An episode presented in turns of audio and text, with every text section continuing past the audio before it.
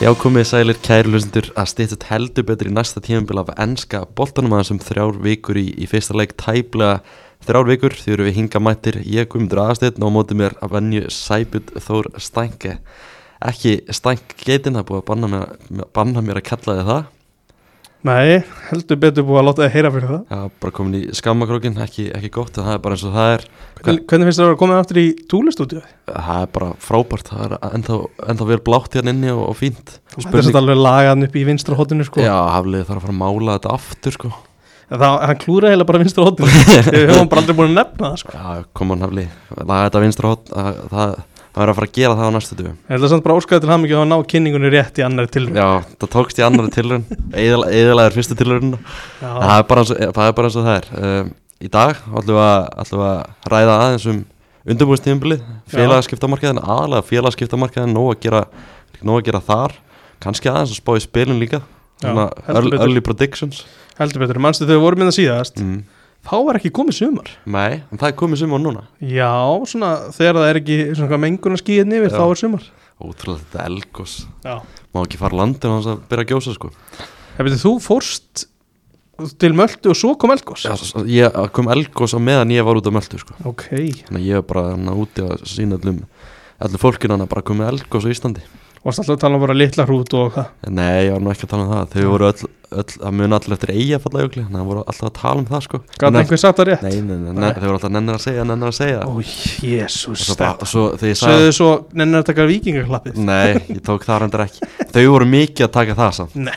já, maður labba, að labba eitthvað veitingastæðana þá voru þau að taka vikingklappið Á veitingastað já, eftir við fórum á Íslandsleikina Já, og náttúrulega setni tvei leikinir voru, voru geggjæri á íslensku stundismennum Mm. og þau tók alltaf vikingklappi sko á leikunum það er að tala um íslenska stundisfólk já, og voru það að gera það líka á veitingastöðunum nei bara úst, krakkanir sem ég var með hann úti Já, þau já, voru já. alltaf, alltaf gummi sjáðu, gummi sjáðu og svo- Ég hef nú alveg, ég ætti nú alveg eftir að sjá Mána Pétursson taka vikingaklappið bara á veitingastað sko Já, já, ég, Alexander Pettersson, hann var að taka vikingklappi heldur betur hann var bestur í því. Já, en nógum það í billi uh, við ætlum að ræða um enska boltan já við ætlum, byrju, við ætlum að ræða það já já, við ætlum að ræða um það við ætlum að Ok. byrja sem bara á við ætlum bara að taka deila heldur bara lið fyrir lið taka bara svona örsnögt Já. uh, byrjum bara á englandsmestrunum þrennu mestrunum í Man City Þunnu mistur honum já, það hefur verið svona frekar rólegt að gera hjá þeim í, í sumar þeir spiluðu æfingarleik eh, sem fyrsta æfingarleik undirbúrstum í gær á móti Yokohama Marinos frá Japan leikurinn fór fram í Tokjó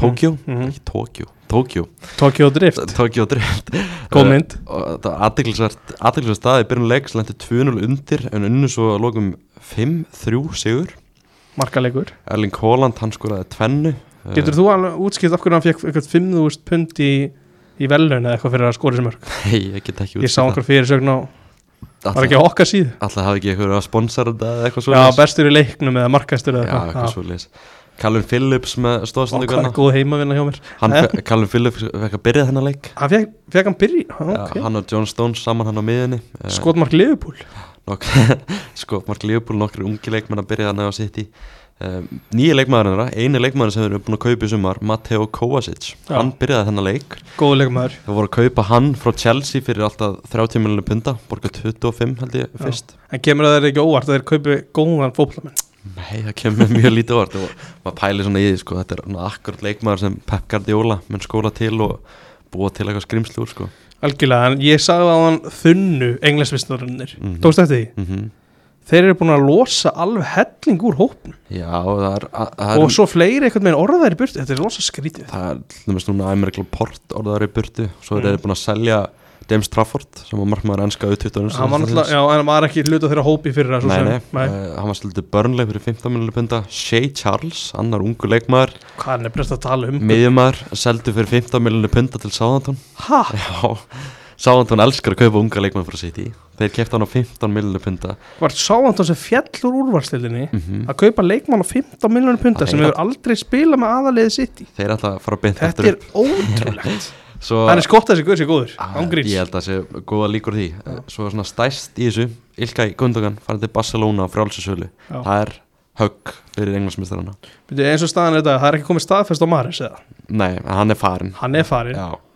Það var Bernardo Silva hefur orðið þær burtu hann er ekki að fara Julian Alvarez hefur orðið burtu hann er svo sem, við viss, það var alveg hægt að se- segja það að hann væri aldrei að fara mm svo er líka búið að vera Kyle Walker Já, Karl Volker er mögulega að fara til bæminu Já. Það gæti verið að það var ekki hár vermið, Nei, ekki, 20 ég held að það hafi verið minna sko. minna Já. Það var náttúrulega, að mér fyndi hann í byrjun sumar sem hann var orð- orðaði við Sheffield United og bæminn Já. Sheffield, þeir náttúrulega farinir upp Já, þeir eru Já. og það er náttúrulega heim uppbyldisfélagans Já. en þú veist, skrítið að, minnst pínu skrítið að sitt í síða að selja hann sko Já, ég skil alveg, þú veist, Laporte-pælingun ef að Guardiola er að koma, sko mm þá er það alveg svona bara ágætispæling nema þú ert að borga miklu meira en þú fær miklu yngri leikmann mhm. en ég, þú veist, Gundogan líka ef þú hug- ef þú væri í stöðu Gundogan þú er búin að þú er búin að vinna allt hjá City Já. Hva, af hverju ættir að taka annað ára ef þú getur fengið tvö ára einhverstaðar annar staðar og þú vilt bara prófa hvað annað Mér finnst það ekkert skrítið múið fyrir Nei. Gundogan sko. Mér finnst það bara rökrétt eftir að þú ert búin að vinna þrænuna búin að vera hann það lengi bara skemmt að taka næsta skref og líka kannski hugsa hann, heyrðu, ég er hérna fyrsta, fyrra hálfa, hálfa ára á tíðanbilið þá er ég ekkert endilega einhver leikilmaður hjá Pep, Mm. en ég því eitthvað enn eitt tíðanbilið Já, svo kemur hann alltaf bara og, og glinsaður þetta allt sko. mm og svo er náttúrulega Benjamin Mendy hann er fann til Lorient í Fraklandi já, hann fekk lið Já, hann fekk lið hann fekk líka heldur betur hann stuðning fljó, fljótur að finna sér lið og hann er Já. aðeins og segir búin að fá mikinn stuðning sástu fæsturinn hjá Depay Já, þetta já, ég veit ekki með vera aðeins Menn- þú veist, ég, mi- þú veist menn eru misgáðar í þessu já eh, þú veist, velverið, þú veist, velverið og ekki velverið menn vera aðeins að passa hvað er, hvað er segja sko, Vinicius Junior setti líka var út ekki sko. Ríó líka með eitthvað Þetta er, þetta er vond fyrir PR fulltrúana sko ég veit ekki, menn, þú veist, auðvitað mátt, máttu segja hvað sem er bara sem svona hlutlaus í þessu máli það, Nei, ég held, ég held að þessi, veist, það skrítið, þú veist, ég veit það er svo erfitt að því þú veist ekki nei, nákvæmlega og kannski, en hann er svo sem ekki, hann er, hann er ekki dæmd fyrir neitt maður, hann er, veist, hann er not, not guilty já, Þannig að það er, það, og hann var fljótt, hann var bara fimm dögum eftir að dómur og köðan upp, þá var hann komin bara í fyrir skúrúsluna það, já. það er áhugavert uh, Þú veist, ég, ég, ég vil langar að velta þessari pælingu upp Mhm. ég ætla ekki að taka neina afstöðu í þessu en þú veist, er það ekki allt klikkað ef að einhver Íslendingur myndi núna koma upp bara eitthvað, þú veist, bara tjá sig eitthvað um, þú veist, bara gilfa eða eitthvað, mm, var það ekki, á, þú veist á þessum nótum, Já. jú það, maður myndi halda það sko Já. þannig að þú Æ, veist, ég veit ekki, þetta þetta er er náttúrulega mjög maður veit aðtilsvægt náttúrulega ekki neitt Nei, nákvæmlega. þannig að það er svo, já, þetta er bara komið upp í huganum mér Þetta er mjög aðtilsvægt skref að taka hjá þessum fókbaltamönnum en, Mm. en svo nefndir á hann City, þeir eru, þeir eru svona að vinna ákveðið að því að fá Josko Guardiol, Já. varnamann frá RB Leipzig, það er svona stæsta sem er í gangi á þeim núna að það var Fabrizio, Romano, já, já. Fabrizio Romano hann var búin að ge- gefa hér við góða þetta og svo Leipzig, þeir voru bara nei, nei, nei Já. Þannig að þetta er aðtilsvægt hvað gerist það er svona hann hefur fengið eitthvað skrýtnar upplýsingar eða? Já, eða, þú veist, það- kannski er umbósmaður sagt eitthvað við hann bara til að reyna að íta á þetta eða eitthvað Það var líka að talað um eitthvað leka og ég held að Romano hafi verið lekinn sko. Ná, Þetta er eitthvað fyrðulegt mál Ég ætla að gísa Romano er náttúrulega, þú veist hvað er þetta, 20 einstaklingar eða eitthvað Já, þetta eru pottið eitthvað svo leiðis Já, þetta er bara hann er fyrir náttúrulega ekki al- hann er náttúrulega aldrei einn í þessu sko. Nei, 100% ekki Eh, Þetta sittilið þetta, Við erum að fara að gefa út spá núna á næstu dögum hérna á, á fótboll.net uh, það er frétti fyrir mér Nei, við hérna á hverju ári á hverju ári uh, og ég ætla bara að setja alveguna á það að sitti verið efst í þessari spá bara eins og alltaf sko. það fer eftir því hversu marga Arsenal menn við fáum nýja spá Já, það held að sé þannig Já, talandi um Arsenal, fyrir ma- kannski Arsenal næst Þeir eru, maður, Arsenal En- samfélagið en þú veist, að, að, að, að, þú veist það voru ekki fleiri frá sitt í orðaðri burtu er ég að ruggla Nei. þú veist, F- Phillips var orðaði við Já, Liverpool búið að orða Phillips aðeins annað en ég held að hann verði nú áfram Ég Já. held að sé ekkit mikið meira þú veist, leikmennum sem sé eitthvað að fara sko, þú veist, Amerikla Port mögulega að fara Mm. uh, eins og segir Rían Maris er að fara en annars held ég að þetta verði bara rólegt núna hér eftir sko Já. Kyle Walk, Kyle Walk er að fara þetta verður kannski þessi þrýri og en- náttúrulega sjá Cancelo, hann er að fara hann er ennþá hjá þeim sko. Já, hann er komin aftur Já. hann var í, hann var í en hvert fer hann? Hann fer til Barcelona ok, okay. Ég veit ekki hvort þeir gefa þeim eitthvað leikmenn eða eitthvað í stað Ég veit það ekki, kannski fer hann að lána í Barcelona taka þér Balde í staðin Það er svo náttúrulega aldrei, aldrei, aldrei að vita sko með Pep Guardiola hvort þeir sættis bara og hann fara að spila aftur já, þetta er, já, það er mitt, það geta alveg verið Já, og líka maður, þú veist, að þegar hann nefndir Phillips hann hefur sjálfur talað um að það, þú veist, fyrsta tímabili hjá Guardiola er alltaf mm -hmm. trikki, sama hvaða leikmaður það er Cancelo var bara komin í hóp í ger, komin á bekknum og laðið upp mark sko Ná, veist hver, Já, þetta, þetta er samt Jóko Hama sko Já. Ég held að þú, Yokohama. ég held ángríns að þú, heit- heitar það ekki Jú, jú, Jú. koma að Marinos Ég sé það ég held að ef þú hefði verið inn á Mm. ég hef aldrei séð þið spila fótbolta Nei. ég held að þú hefði mögulega líka slýsast í stóðsendingu sko. Ef ég var að spila fyrir mann City, maður mögulega ég, er, ekki- þú, ég er að segja að þú hefur ekki þurft að breyta þér síðan fótboltamanni, þú hefur bara þurft að vera inn á vellin Já, ég er bara þetta neglanum fyrir Það er bara hann heldur betur uh, En já, Arsenal Náttúrulega liðið sem endaði í öðru seti fyrir og maður hefur tekið eftir því að Arsenal samfélagið stuðin sem hann á hópurinn þeirra hann það er að verða ennþá veikara það er að vera anþá veikara menn eru orðinir ansi veikið þar og ég er bara spenntu fyrir því svona býst við á næstu vikum þó við sem ekki búin að plana almennilega að við munum fá eitthvað svona eitthvað gest í hlaðu upp og svo leiðis gætum ekki gerst sem að það er mögulega eða Twitter aðganginu Já.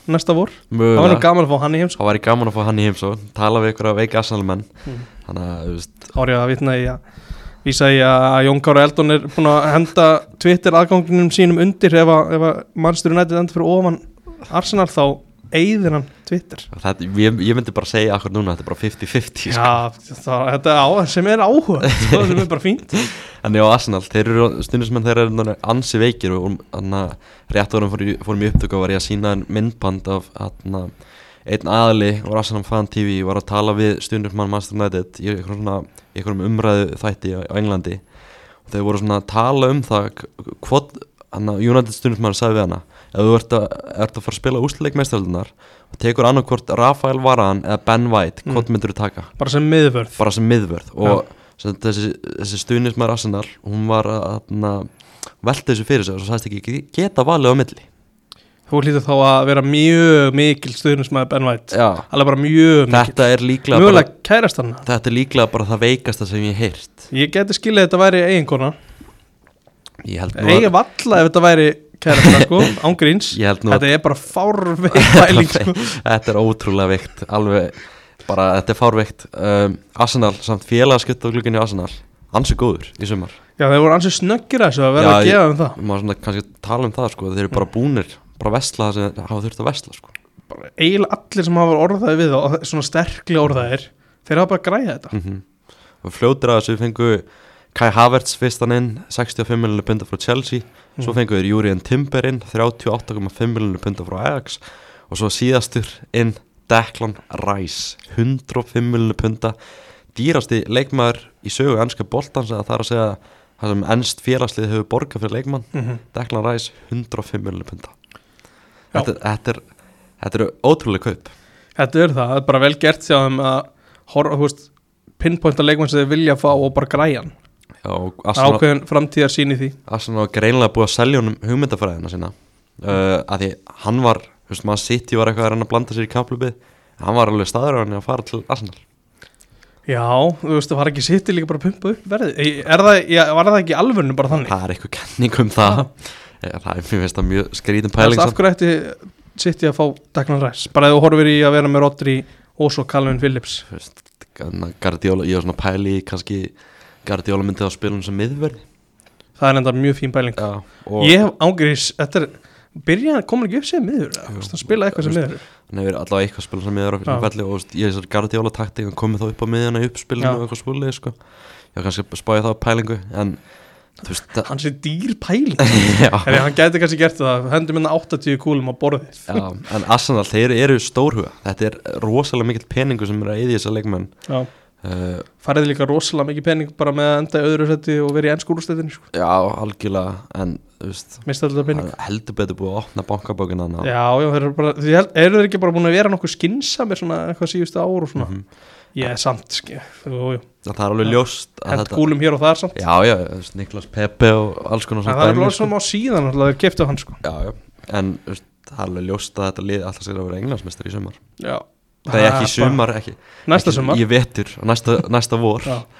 Eh, Það eru áhört að sjá hvernig það með Declan Rice gengur upp maður svona pælir í það núna meðjan hjá þeim verði þannig að verði Declan Rice djúpur og svo ertu með Kai Havertz og Martin Ödegard svona sem áttur Þannig að leikmenn eins og Thomas Partey eru ekki að fara að spila Nei, ekki bernlegin alltaf, myndi maður halda Áhugavert, Það var eftir það er mjög áhugavert vorum- ég man, man eftir því sko vorum Og bestu kaupin í vetur Horginjó, ekki í liðinu Nei, bestu kaupin, róum okkur Ég er aðeins þess að skjóta á skjóta aðsnur menn En Munum hérna vorum við Gunnar Byrgis í spjalli fyrir nokkrum mánum síðan og, og þú Ég spurði er hann, um út enn að í- jafna mig sko spurði hann út í hver er mikilvægasti leikmann í Arsenal Hvað sagði hann þá? Thomas Partey Hann sagði það já Já Já, hann, það er vújú Gunnar Birgisson má hafa síðan skoðanir í- Já, en ég er var það ekki á síðust tímul, var ekki þú veist, Bukayo Saka mikilvægst leikmaður þar? Jú, eða svona, en þú veist, a- einn af þeirra mikilvægast leikmennir sem ég bara skil ekki að þeir hafi losið við, Granit Saka ég, ég er ennþá að, fa- ekki, ekki búin að fatta að þetta hlýtur hafi verið samkómalega við, við eitthvað sem var bara gert fyrir einhverju síðan sko. hann er, svona, hann er eini leikmann sem þeir eru búin að selja þú veist, einslega meitlan næns farin hann á frálsisölu en eini leikmann sem blessu sér minni kannski á Arsenal blessu sko. sér minni hans eini leikmann sem þeir eru búin að selja er Granit Saka 21,5 miljón punta til bæjarlegu í Þískalandi þeir náðu þá að pumpa það upp í það verð sko. já, af því að hann er náttúrulega ekki, hann er ekki ungur og bæði lega okkur svona ekkert mikið að henda svona háum upp að hann á borðið sko. mm en þú veist ég, ég skil ekki þessa sölu sko, með þess Granit Saka bara algjörlega frábær sýstíðanbili hann er alltaf byrjaði tíu að bli sérstaklega vel sko. mm -hmm. bara geggjaður box to box já, hann og Thomas Partey mjög góður á meðsvæðin já ég heldur geta alveg saknað þess og þannig að maður kannski horfir á þetta meira kannski að maður heldur ekki með Arsenal maður sá bara hvað hann var góður mm -hmm. en þeir kannski sjá einhverja aðra stíga betur upp sko. Það var áhugaverður æfingarleikur og svona Arsenal hefur verið í æfingarferði í bandargunum síðustu dagana og þar var mikið grín gert að Kai Havertz þeirra nýja leikmanni og dö, sem, sem var keiftið frá Chelsea í sumar hann fór í eitthvað svona skill challenge var Mm. eitthvað, aðdralanda stjörnuleiksins já, fyrir eh, bara í síðustu viku Já. og hann var að hitta, reyna að skjóta í marki á lofti og hitta ykkur tunnur og eitthvað það gekk e- ekkert upp hjá hann það var bara eins og hann hefði aldrei farið í fótbolt áður á þessum umbund hann vakti heldur betur lukku meðal áhranda sem gerir grína á hann já því að hann skoraði aldrei sem er hefurlega eitthvað með hann var fyrstur í sögunni hann fekk 14 tilrunum til að þú veist, taka hann svona volja Já, þú verður að taka hann á lofti og taka mótunum á lofti og skjóta og var fyrstur í sögu þessa, þessara keppni til að skora ekki eitt mark Hann var líka bara ekkert eðlilega langt frá því að skora sem er eiginlega vandræðilega við þetta sko. bara skauta ekkert eðlilega oft yfir bara alveg eins Mhm.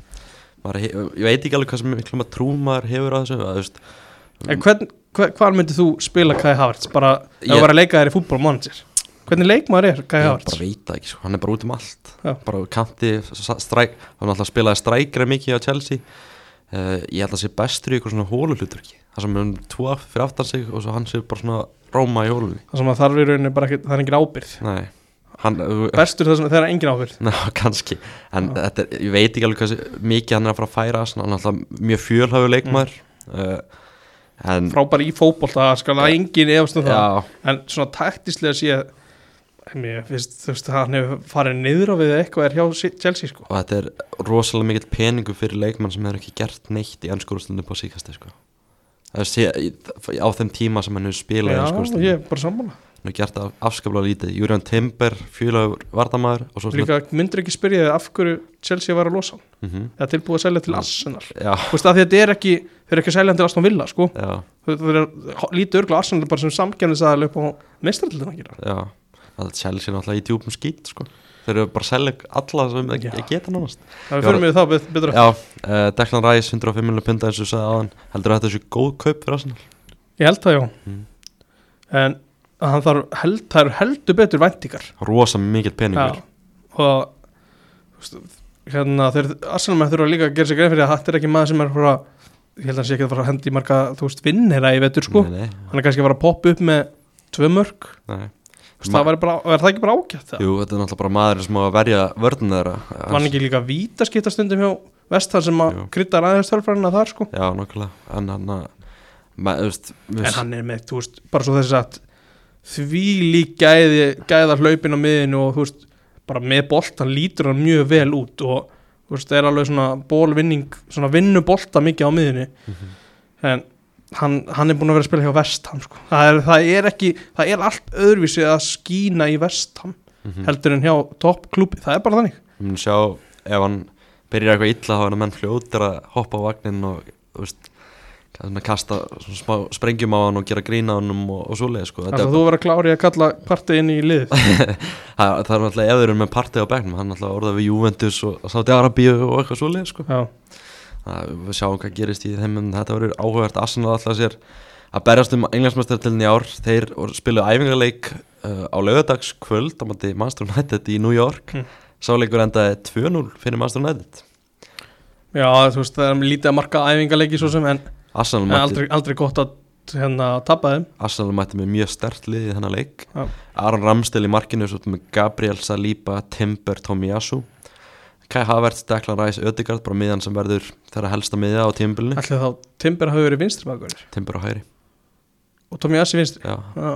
Svo sem er Gabriel Martinelli, Bukayo Saka og Eddie Nketiah Sterkt lið og endar á NKT Já, og svo horfum við á Vita ekki United Tinnament, Tom Heaton, Lisandro Martínez, Luke Shaw, Rafael Varane, Aron Van Bissaka, Kobi Mainu sem átti stórleik Já, hann var mjög góður ungu stráku sem búin að vekja aðdegli á þessu undirbúrstempli, standa sér vel uh, Antoni, Bruno Fernandes, uh, Garnacho og Jadon Sancho, Sancho skoraði hann að flottmark, Já, hann var alveg hraði, svo sprengja Gabriel með- Jákvætt. reyndar hræðilega mistök þar, Mm. Bruno Fernandes skoraði hittmarki, svo ákveðu liðan einhverju, Þú verðum líka að nefna það að það var bara gjöf frá Ramstil, Já. skot beint á hann já nokkulega svo ákveðu liðan einhverju skrítin ástæð að spila vítaspunarkefni á tilegin Það er náttúrulega eitthvað sem er ákveðið bara fyrir frá með ekki Jú, Bara það- eitthvað sjó, eitthvað, eitthvað síning fyrir áhörðunarna og þar vann United líka 5-3, tvöfaldi sigur hjá United tvöfaldur sigur Arsenal uh, byrjiði undirbúinstimplaða því að vinna MLS All-Stars 5-0 gerði jafntöflum mútið Núrnberg þannig að þú veist, þetta undirbúinstimplaða kannski ekki að byrja neitt svakalega vel fyrir Arsenal Nei, en,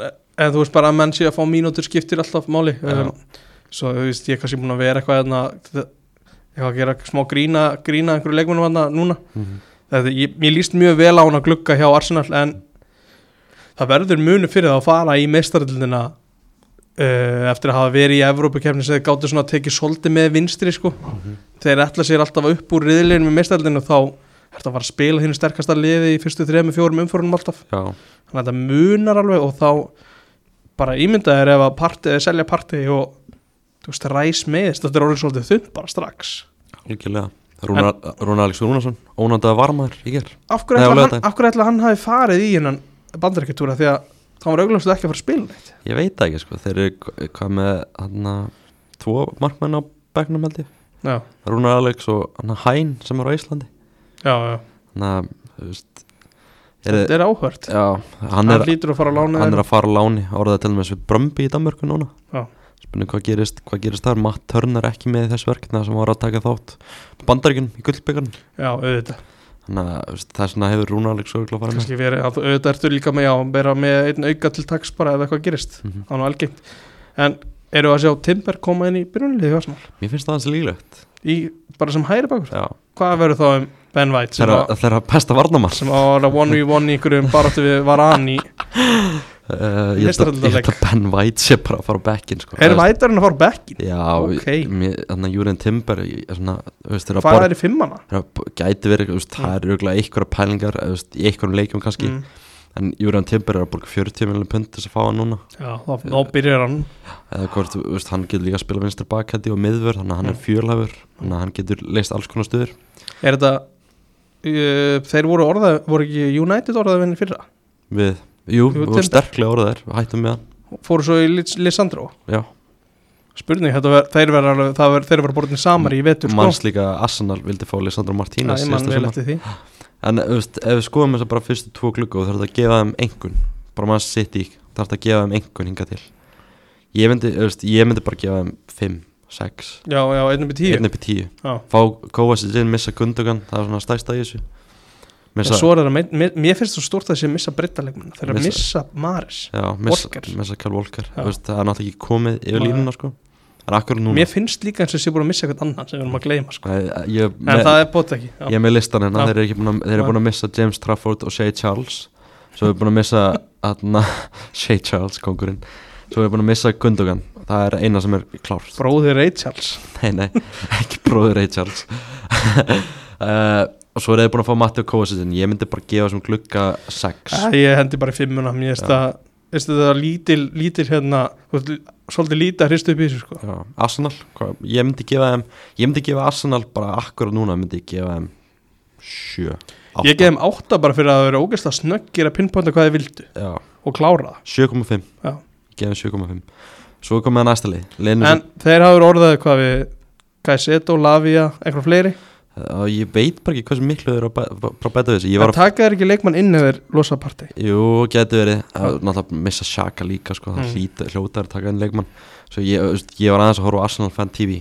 eftir leikmann Já, United það er þín Það uppbólstöð var minn maður Troops, hann var Já. að tala um hann að hann vildi fá strækir já, Þannig þeir eru með þannig að Engetia, Balogun og Gabriel Jesus vilja bæta þessi þeir eru náttúrulega en þeir eru mikið orðaðir burtu Balogun, Já, mjög mikið ég veist af hverju geta þær ekki nota Balogun í, sö- í, í vetur Við, nátt- ég, bara, ég hef aldrei sé Balogun spila fótbolta sko. Nei. aldrei, þannig ég get ekki metið Það leik maður sem sló í gegn í franska boltanum í, í fyrra það já, hjá hvaða lið? Já, og Reims Reims, já Já, hann, skoraði einhvern, hvað, 20 mörg eða já, eitthvað, 20, cirka 20 pluss mark já, Og með markaðistu leikmannum sem að er alveg, þú veist, það er ekki, það er ekki gefið að skora í líka on, sko Nei, já, góðu frambörður Takk. uh, Næsta lið, Master United á, Okkar menn, þeir eru búin að bæta þessi þremur leikmennum hennar samkvæmt Guardian Já.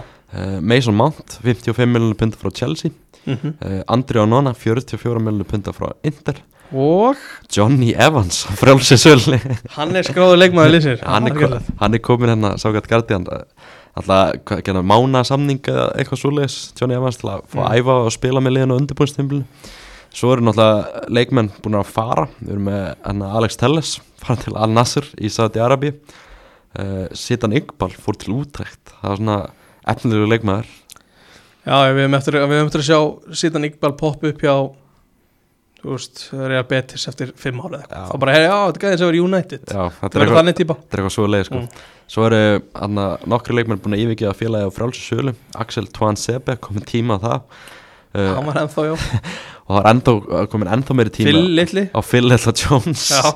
hann er farinn og svo náttúrulega síðast en ekki síðast David De Gea hann er farinn og það er ekkit komið hvert hann er að fara nei, það er hann áhugað náttúrulega- hann var náttúrulega sterklega orðað við Saudi Arabia svo var hann orðað við hvað, orðað við Inter eða ekki?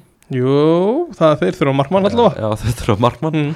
Já, svo ég ég, meina, Onana er farinn og Handanovic þannig að þú veist, maður pælir í hvort hann fari ekki bara aftur heim til Spánar en þú veist hvaða liður á Spánar er að leita sér á Markmanni engin lið, engin stórlið ekki stórt, nei þannig að þú veist, ég, ef ég ætti að gíska þá myndi ég gíska að hann fari til Saudi Arabia Já, það er allavega, þeir eru örugglega tilbúin að borga það sem að var að fá mm. United. kannski með bara hann fyrst En hvað finnst þér um það? Bara, Mm.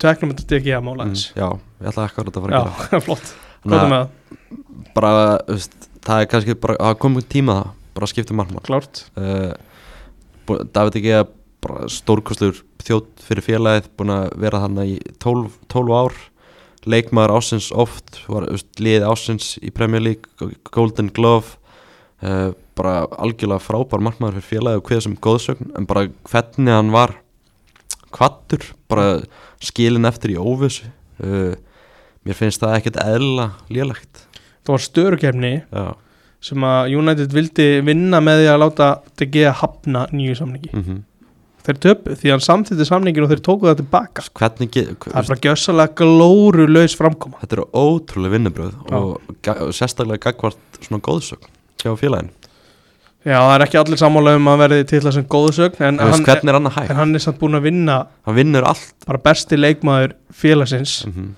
hann vinnur Það alla, liðsins eða maður bara í, þú veist þrísvarsinum eða fjórusinum ja, fjóru sinni meldi, Já. hann vinnur alla titla nema meistardilina var, var aldrei nálagt því Nei. hann var aldrei nei, nei, nálagt nei.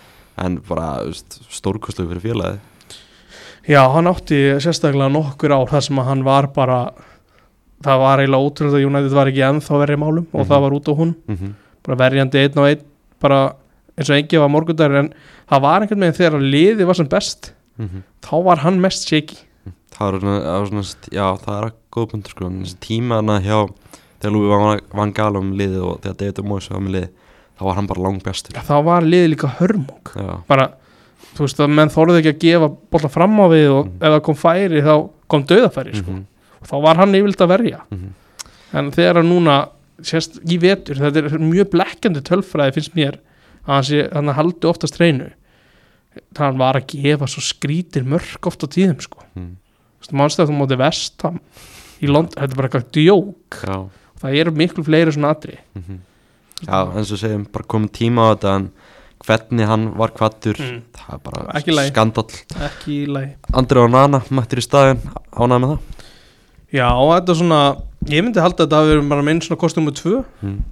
ég var alltaf mest spennt, spenntastur fyrir Mike Manjan, það er einhver ástæð fyrir að, að ekkert félag er tilbúið að borga Það er þú veist, örugglega 60 alls. miljónir eða eitthvað fyrir hann Já, hans, þeir hljóta vilja bara meiri pening það lítur að vera hann líka mér finnst hann nefnilega að vera bara ég, mest spennandi sko. ég held að hann sé akkur núna Mike Mannian, mm. topp 3 besti maður í heimi já, kannski er maður að lifa á einhverju svona skrýtna hæpi það er sem maður, gagvart honum, en hann er alltaf búin að vera mjög góður það sem hann hefur séð maður hórt á hann að gæja mestarðin hann er ógæslega góður Já. uh, en Onana líka heillaði mig í mistældinni já, bara hvað hann er rólegur og yfir hvað svona það er, stöður í teiknum trublan ekkert en það, ég get gæti séð það fyrir mér að hann á eftir að svona vera of kokki, of Mhm. rólegur bara, heyrðu, og missa boltan á strekkarinn sko. maður hefur séð hann gera þannig mistök til svo- Já. sérstaklega hann var hann er leikmaður bara hluti af þessu líka hann leikum maður Ajax maður sé til með sem breyðablikana heima Já, Þú veist, já. Anton Ari hefur gert alveg skelvilega mistökun á milli hann Þú veist, það, líka hann fæði fyrirmælin um að skoða og skoða og skoða mm -hmm, og svo einhvern tímann ertu búin að skoða of mikið og gæðin er búin að taka að því boltan mm -hmm. við erum að fara að sjá þú veist, þessi, þessi kaupmennu gjörbreyta leikstíl United ég er nefnilega mjög spenntur að að sjá það sko. já, æ, það er náttúrulega sem Onan kemur með hvað hann er góður í, góður í fótunum mm. náttúrulega Erik Ten Hag þekkir hann greiðalega vel eftir að unni með hann með Ajax heldur við sjáum líka því að Ten Hag hefur núna talað um að vera besta lið í svona uh, transition, hvað maður að segja tr- raða upp laupum, upp völlin mm -hmm. þú getur alveg séð fyrir þér fyrirgjöf sem á nana kemur og eins og hver hafið og grípur og drífur boltan í leik Mhm. það er svo þannig moment sem að þú fær meira af sko, ágætt hotspinnu sem hann fyrir og grípur og eitthvað, ágætt sala hjá Intersand fá hann á frálsum sölu og selja hann eftir eitt tíðumbil á 50 44 miljonir punda mjög góð sala en það er eitthvað við hann að gaur mm -hmm. af, hann fer í þetta livjabann já, hann kemur sér einhvern veginn það var í, í hérna Ha- hann segir að það hafi verið óvart hann hefur tekið Já, já, eitthvað þú megrunarlif hjá konu sinni eða eitthvað svoleiðis hann allavega gerði þetta og þeir einhvern veginn prófuðu hann á réttum tíma skiluru, Mhm. til þess að það myndi gerast þannig að en svo líka er þetta þarna mál með landslið Mhm. bara fer heim að HM, sendur heim það eru sta- það eru Þeir eru stælar í stælar í honum það eru stælar í honum hann, en er, hann- hann er hættur í landsliðinu, er það ekki? jú ég held það Ætli það sé bara á meðan þessi landsliðstjálfur er eða? ég ætli það ekki það er náttúrulega á frækt hann að En hvað er hann gammal? 28? hann er, hann er Svo 96 mótil hann er 27 ára 27 ára? bara besta aldrei sko Ég segi það, ást Ætli það sé gaur sem er bara búin að ákveða að vera ekki í landsliðinu og þá þarf maður ekkert að hafa áhyggjur að- að áhyggjur, að gaurin fari í Afri- afkonni eða eitthvað já hann er hann hann announced his retirement 23. desember 2022 Þú veist, þetta hljóm, er mjög- fyrir mér hljómar þetta eins og hann geti alveg farið bara á næsta verkefni aftur. þetta er mjög skrítið Já. sko En það er bara eins og við sjáum bara hvað verður við því hann Mm. er alltaf að byrja hann að æfa með liðin út í bandaríkunum um, spurning hverju eru Aramarmar, Tom Heaton eða eitthvað að gæla við Luton og annars Everton, Já, fannst mér að tala- heyra. að tala um Suzuki hann er frá Japan að hann komi og verði Aramarmar ok, ég hef bara aldrei heyrt um hann að markmann áður en og það er alveg offa Dean Henderson verður bara á bekknum í vettur já, ég held að hann fari alltaf sko Já. sem er kannski bara fyrir bestu ég held ég líka uh, eins og sem Unit vann Arsenal í þessum æguleik glukkin með þessum mánt það er, ég persónulega er greiðlega spenntu fyrir fjast þessum skiptum en- en svo komst menn að punta á hann mm. veist, af hverju er Chelsea að selja leikmann til erkifjönda sinna hann alltaf gat ekkert Nei. það er veist, erkifjönda gat sinna ekkert í vettur Hann- veist, þetta er leik- þetta er samt leikmaður sem var tvö orði röð valin leikmaður ásins Mhm. hjá Chelsea þetta er leikmaður sem stuðnir með Chelsea voru að binda vonur um það er þið næsti Lampard sko, það- ég horfið á þetta sem hérna, samkeppni við Eriksson mm á minna miðsæðinu því að Casemiro og Bruno Fernandes eru bara bestir í sinu stöðu deildinni Mm. finnst mér, þú veist, Rodri er alveg betri defensive midfielder, hann er allt öðruvísi leikmaður en Casemiro mm. -hmm. uh, það er hérna, Má, Má... Mount er með miklu meiri sprengju heldur en Eriksson Já, miklu meir hlaupa getu Mhm. miklu meiri vinslu Já. Þetta er alltaf þessi leikmaður en ég held að sé samt ekkert endilega frábæða varnamaður sko, Nei, taktislega séð, ég veit það ekki En svo getur líka bara smelt með þess að máta þetta kant ef þú vilt sko Já, og maður hefði líka haldið að Eriksson gæti einhvern veginn gert það, en hann hefur ekki Hann er verið bara- þar sko. Það er nú gammal líð Manstu þegar hann var settur fram? Já. Það var al- agalegt. Já, en ég er persónulega mjög spenntur fyrir þessum kaupum hvað get, hann getur komið inn í þetta lið Ég held að þetta sé líka gott fyrir hann að menn festast undum í svona komfortzóni hjá li- fél, félagum sinum og breytast bara þegar Hann vildi bara skipta Já, Hann var greinlega ekki hrifin á einhverju sem var í gangi hann hefur Chelsea og manstu þegar það líka kveðið myndbandi þannig að myndin eða eitthvað með Já, afleita hár, löngu hættur að vera með afleita hár þegar þetta tók gerðist þetta upp tveimu vikum áður eða eitthvað. Uh, hann er, já, eins og ég segi, mjög spenntur, mjög spenntur fyrir þessu og maður býst við að hann verði byrjanlegsmaður með hann við hliði Bruno Fernandes á, á miðsvæðinu Ég myndi halda það já, en þá ertu komið með alveg samkjöfni sem er bara geggjað Já, bara frábært Og alltaf að tala um það núna Fred sem ég vil á fjörum mm, Freddarinn Hann er orðað við Fulham og Galatasaray held ég Já, hvort hérna, hvor er mikilværi í liðinu, þú veist, bara sem í sinni hlutverki Fred eða McDominay Fred Við myndi alltaf halda Fred frekar en McDomni Já, þetta er, 100% þetta er, þetta er skriði Að að tala um að- McDominay er náttúrulega með samt svona þessa United tengingu sem að skiptir, Já, já. ángrín skiptir máli Já, sko. já, akkurat En Johnny Evans, hefur ekki bara sæna hann eða?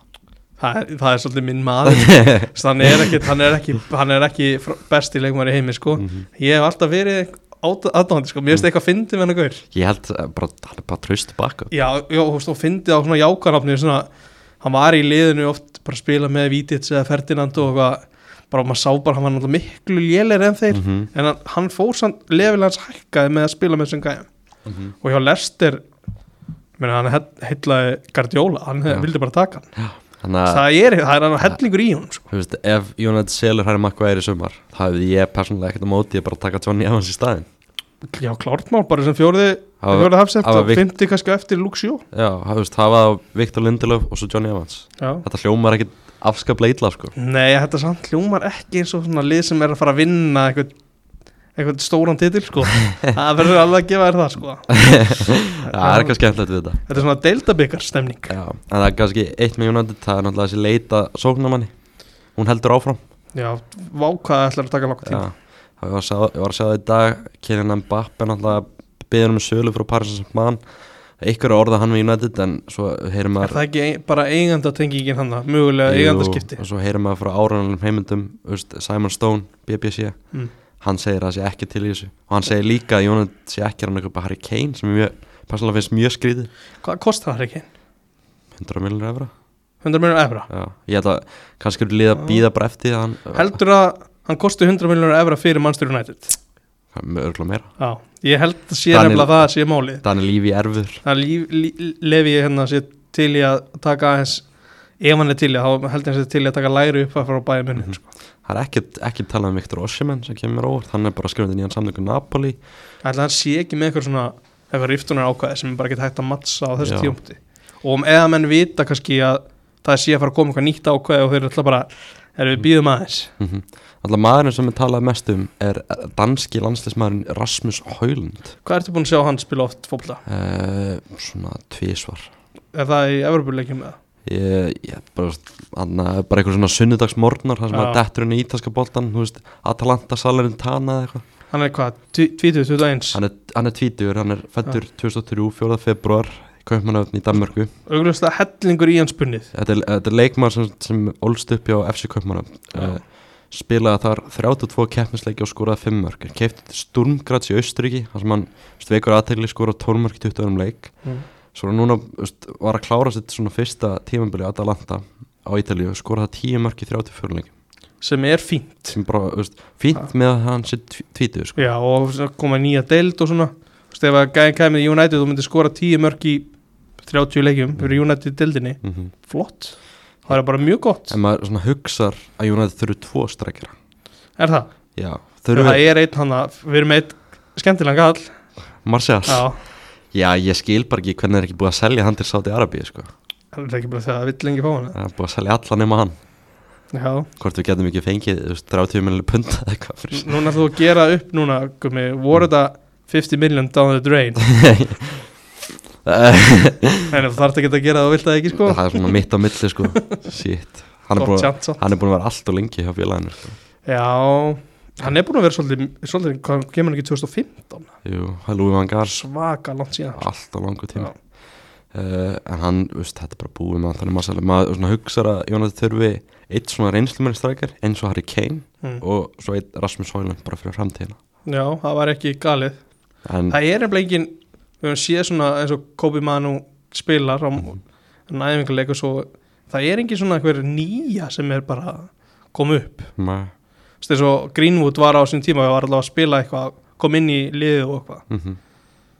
það er ekki að gerast það er eitthvað talað með eins og Greenwood núna hann sé að snúa aftur og fara mögulega á láni til Ítalju þetta er bara gæja sem ég persónulega vil að spila aldrei aftur fyrir maður stórnættið Já, ég hef bara get eða tekið undir það ég veit ekki, það bara se- rifta þess að svolítið þetta um, sko. það er eitthvað skrýtnasta þetta er mjög samband sem maður veit um já, sko. já. en bara þú veist, upp, þetta er bara svona upptökunar og myndinar það Já. er bara nóg fyrir mig ég en losna svo við eru þetta, kannski bara eitthvað svona sterkar tilfinningar milli aðeila, Já. Guðmundur.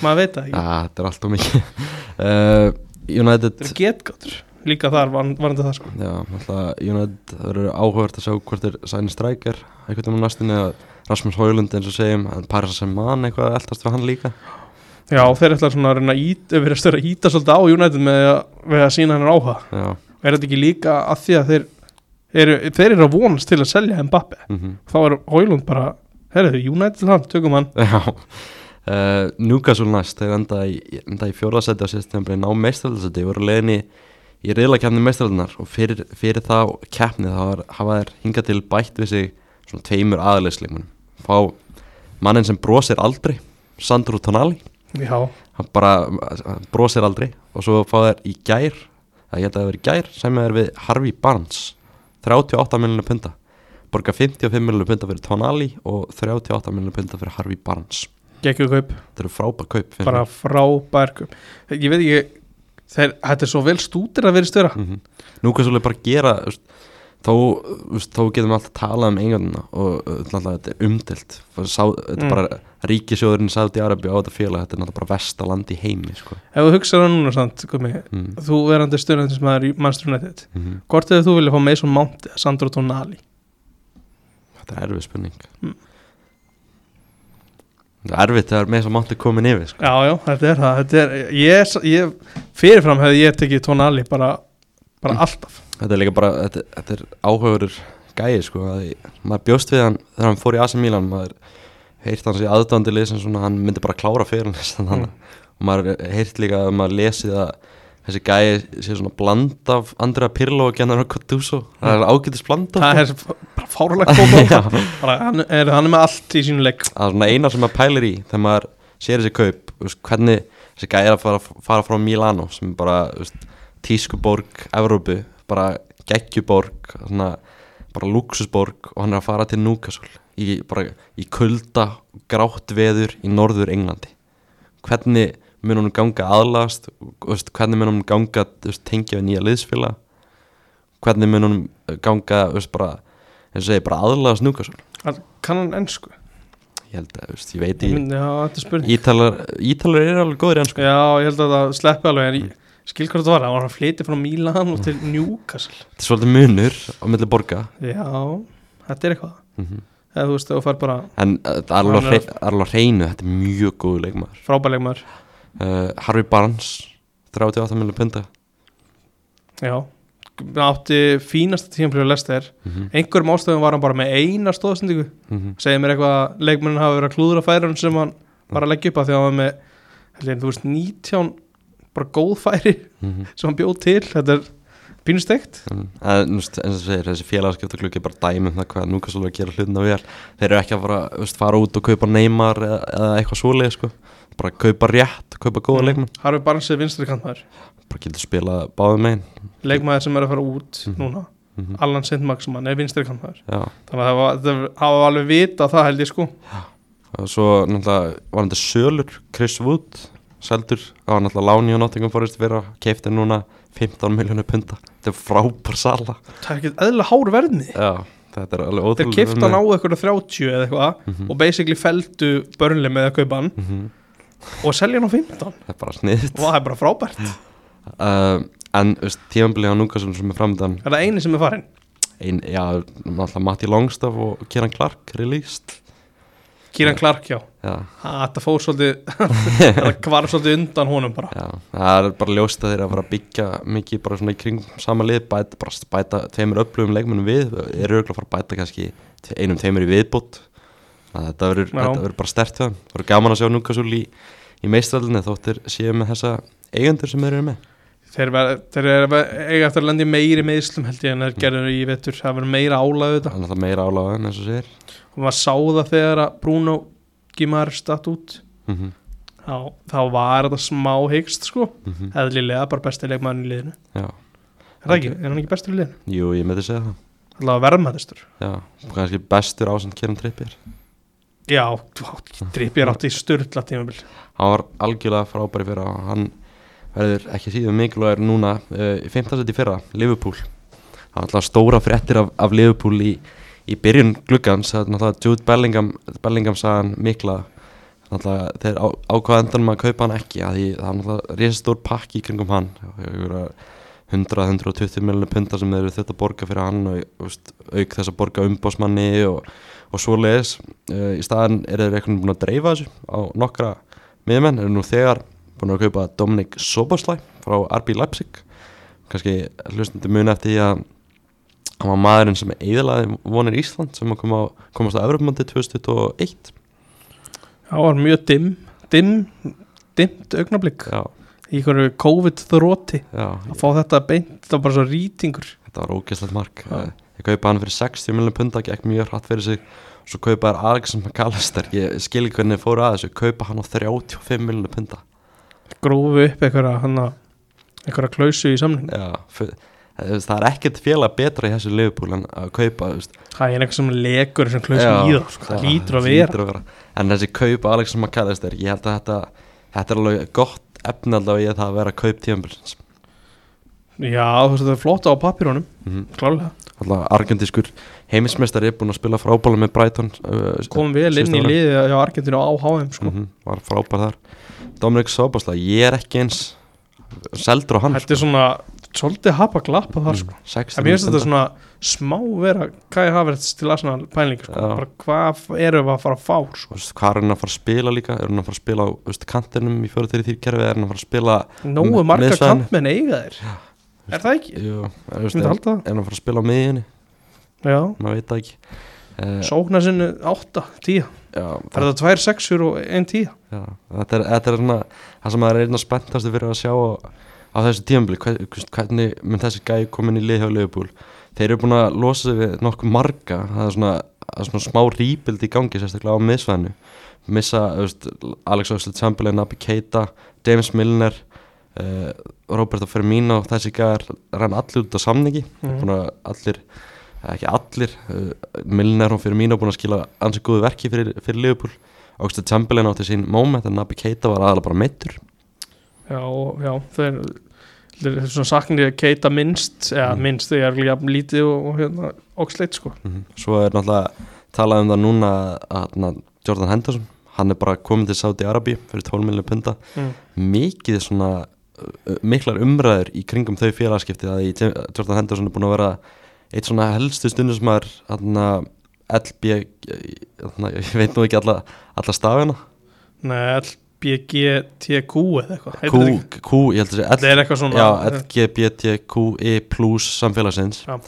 Uh, Sæður þetta rétt? Ég, ég ég e, vona það Já, þú kannski googlaðar þetta Já, hann er búin að vera hérna eitt svona helsti stuðnismæður þeirra og er búin að vera með regnbóða fyrirlaband og regnbóða reymar og, og maður las svona greinar og The Athletic í, í kjölfarið þú veist, þessi félagskiptir hann skengin í gegn og hann er mikið gaggrindur mm. uh, að því hann er búin að tala svo mikið og, og fallega um þetta samfélag og að vera að fara til Saudi Arabíu hann ætla að verður eitt launahæsti fótballmar í heimi þar og hann er að velja peningin um, en náttúrulega mannréttindi samkynneðra í Saudi Arabíu er náttúrulega bara engin Mm uh, þar er, það er náttúrulega það er eiginlega bara lífsættulegt að vera samkynneður eða trans í Saudi Arabíu Ætlar, þú veist, ætlar hann sér að fara til þess að breyta hlutunum með mm. Gæti það að vera eitthvað? ég, þá, ég, ætla, ég veit ekki hversu vel sátan er að fara að taka í Nei, það ef hann þetta er reynir það það, hægt. reynir það einhvern veginn sko.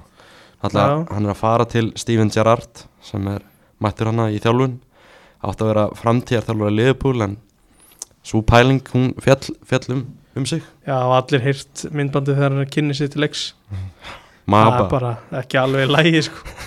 geðvitt myndband ég, eins og ég, segi, ég vona að allir sé búin að sjá þetta þetta er frábært myndband Já, spila þetta einn svona dag og lærið alltaf Já, þetta er svo LGBTQIA E plus ekki skrítið að maður Já, minna allast það þetta en er ekki gefins Þetta er alveg aðna samkynneir og, og hins eginn og trans fólk Eh, Já, alg- algjörlega Þannig að já, eins og segist, John Henderson búin að tala mikið og fallega til þessa fólk svo núna, Er þetta svik? núna vil, vill fólk meina að þetta séu ákveðin svik sko. hann sé Já. að velja peningin fram yfir, yfir þetta fólk Já, þetta er alveg, þetta er alveg pæling mm Svo er eitthvað sem segja líka að Henderson sé ná, bara að fjármagna framtíða kynnslóðir með, Er hann að hugsa það í alveg? ég veit það ekki sko. Nei. þetta er Ég veit það ekki já, ma- veist, Næra því á svona, þú veist, svo, hvað er hann að fara þrjú ára eða eitthvað? 2-3 ár örgulega 700 spund á vikur enda telur alveg hratt sko Það verður hell- hellingspeningur maður pælir í, sko, er þessi gæjar ekki bara nógu ríkinu þegar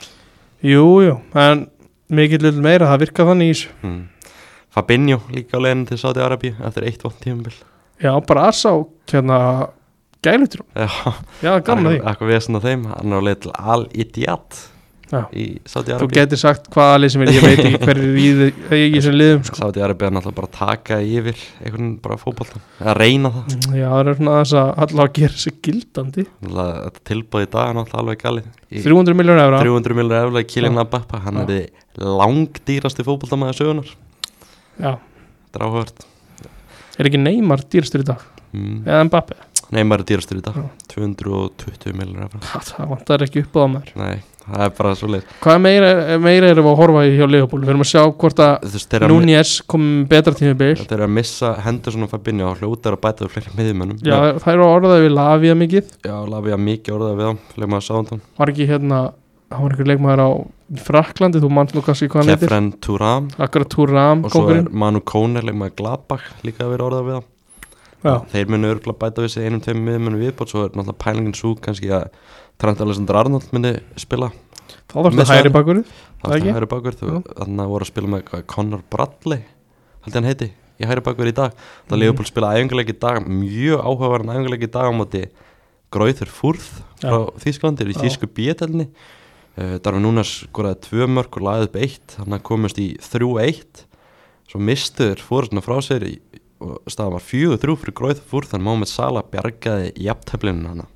Já, Hvað, þú veist, hvað er að græt gerast? þarna? hermar, þeir eru ekki alveg það er ekki þægilegt að klára þá sko Þetta Leopold gerir marga breytingar hann í hálfleik Curtis Jones og félagar koma hann inn á í hálfleik 21 hetjan, Já, og hann lendi verið smá brasi en þeir náða bergið aftöflinu björguð andlutinu Næsta Já. æfingleikur hjá Leopold er 30. júna til Lester Það ætlar að horfa á. Nei, ég mun ólíklega að horfa á það. hann er, 30. júli, langt á milli, Hann- 6 dagar já, hann er Singapur Ok, Leopold, Leopold náttúrulega, þú veist, vombriða tíðanbili fyrra komum að steyra aftur í meðstæðalina því það er náttúrulega það stærsta markmið hjá honum, myndi maður halda já klálega, þetta verður frólægt Núna fá þeir sko, hann gleymist pínu í fyrr á síðust tímabili og var Díaz svolítið Mhm. mikið frá mm sem að var þeirra svona kom virkilega vel inn í, í liðið í janúar á á undan sko. Mhm.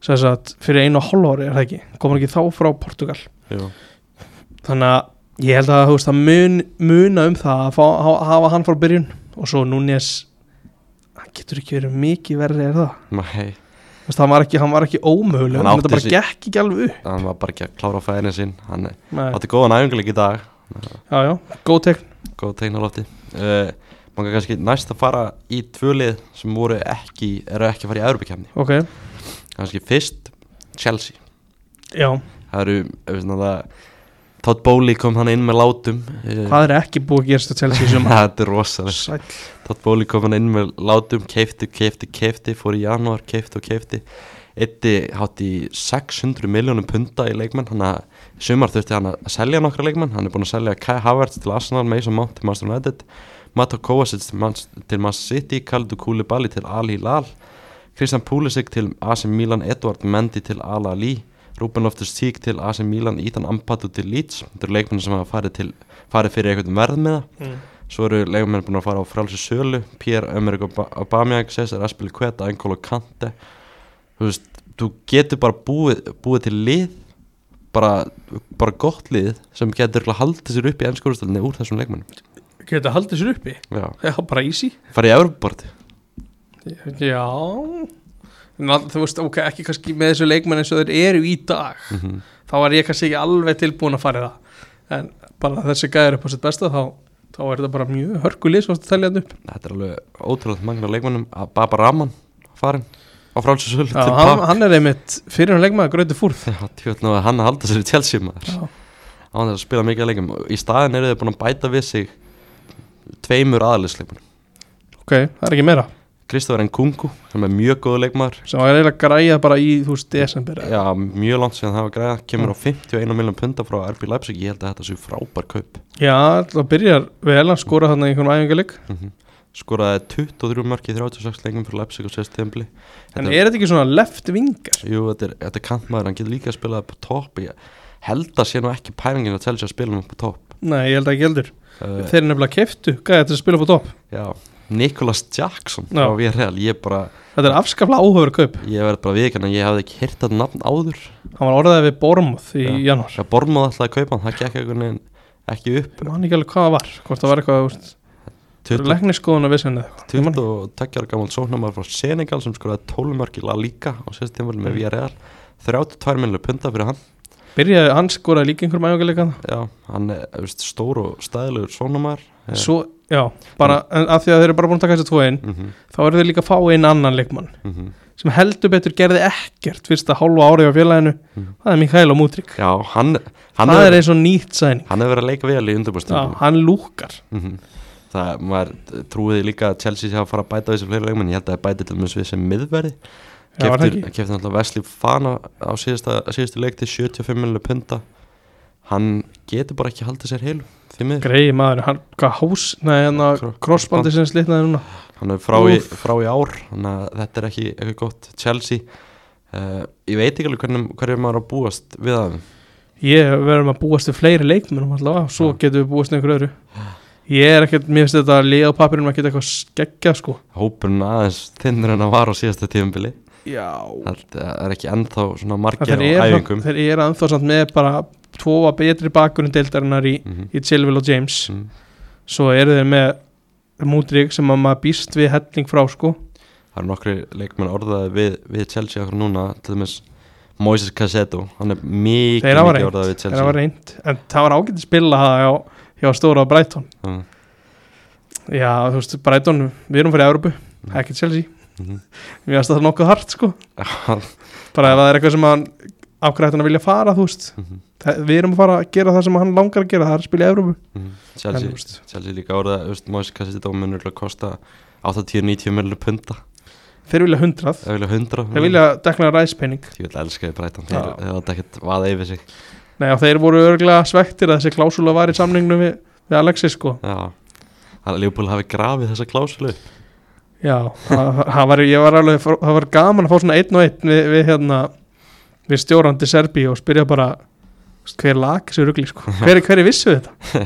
Svo er líka Mohamed Ko- Kudus uh, leikmaður Ajax og Ryan Cherky leikmaður Lyon orðaði við Chelsea Já, og svo er st- uh, stráku frá Fraklandis sóknarmaður sem heitir Eli Vahi held ég að hann heiti, Va- leikmaður Montpellier já, orðaði við félagi þannig að það er strækar, já, þau þurfa hann ekki, nei, ég get bara sagt þeim það núna, þeir þurfa hann ekki.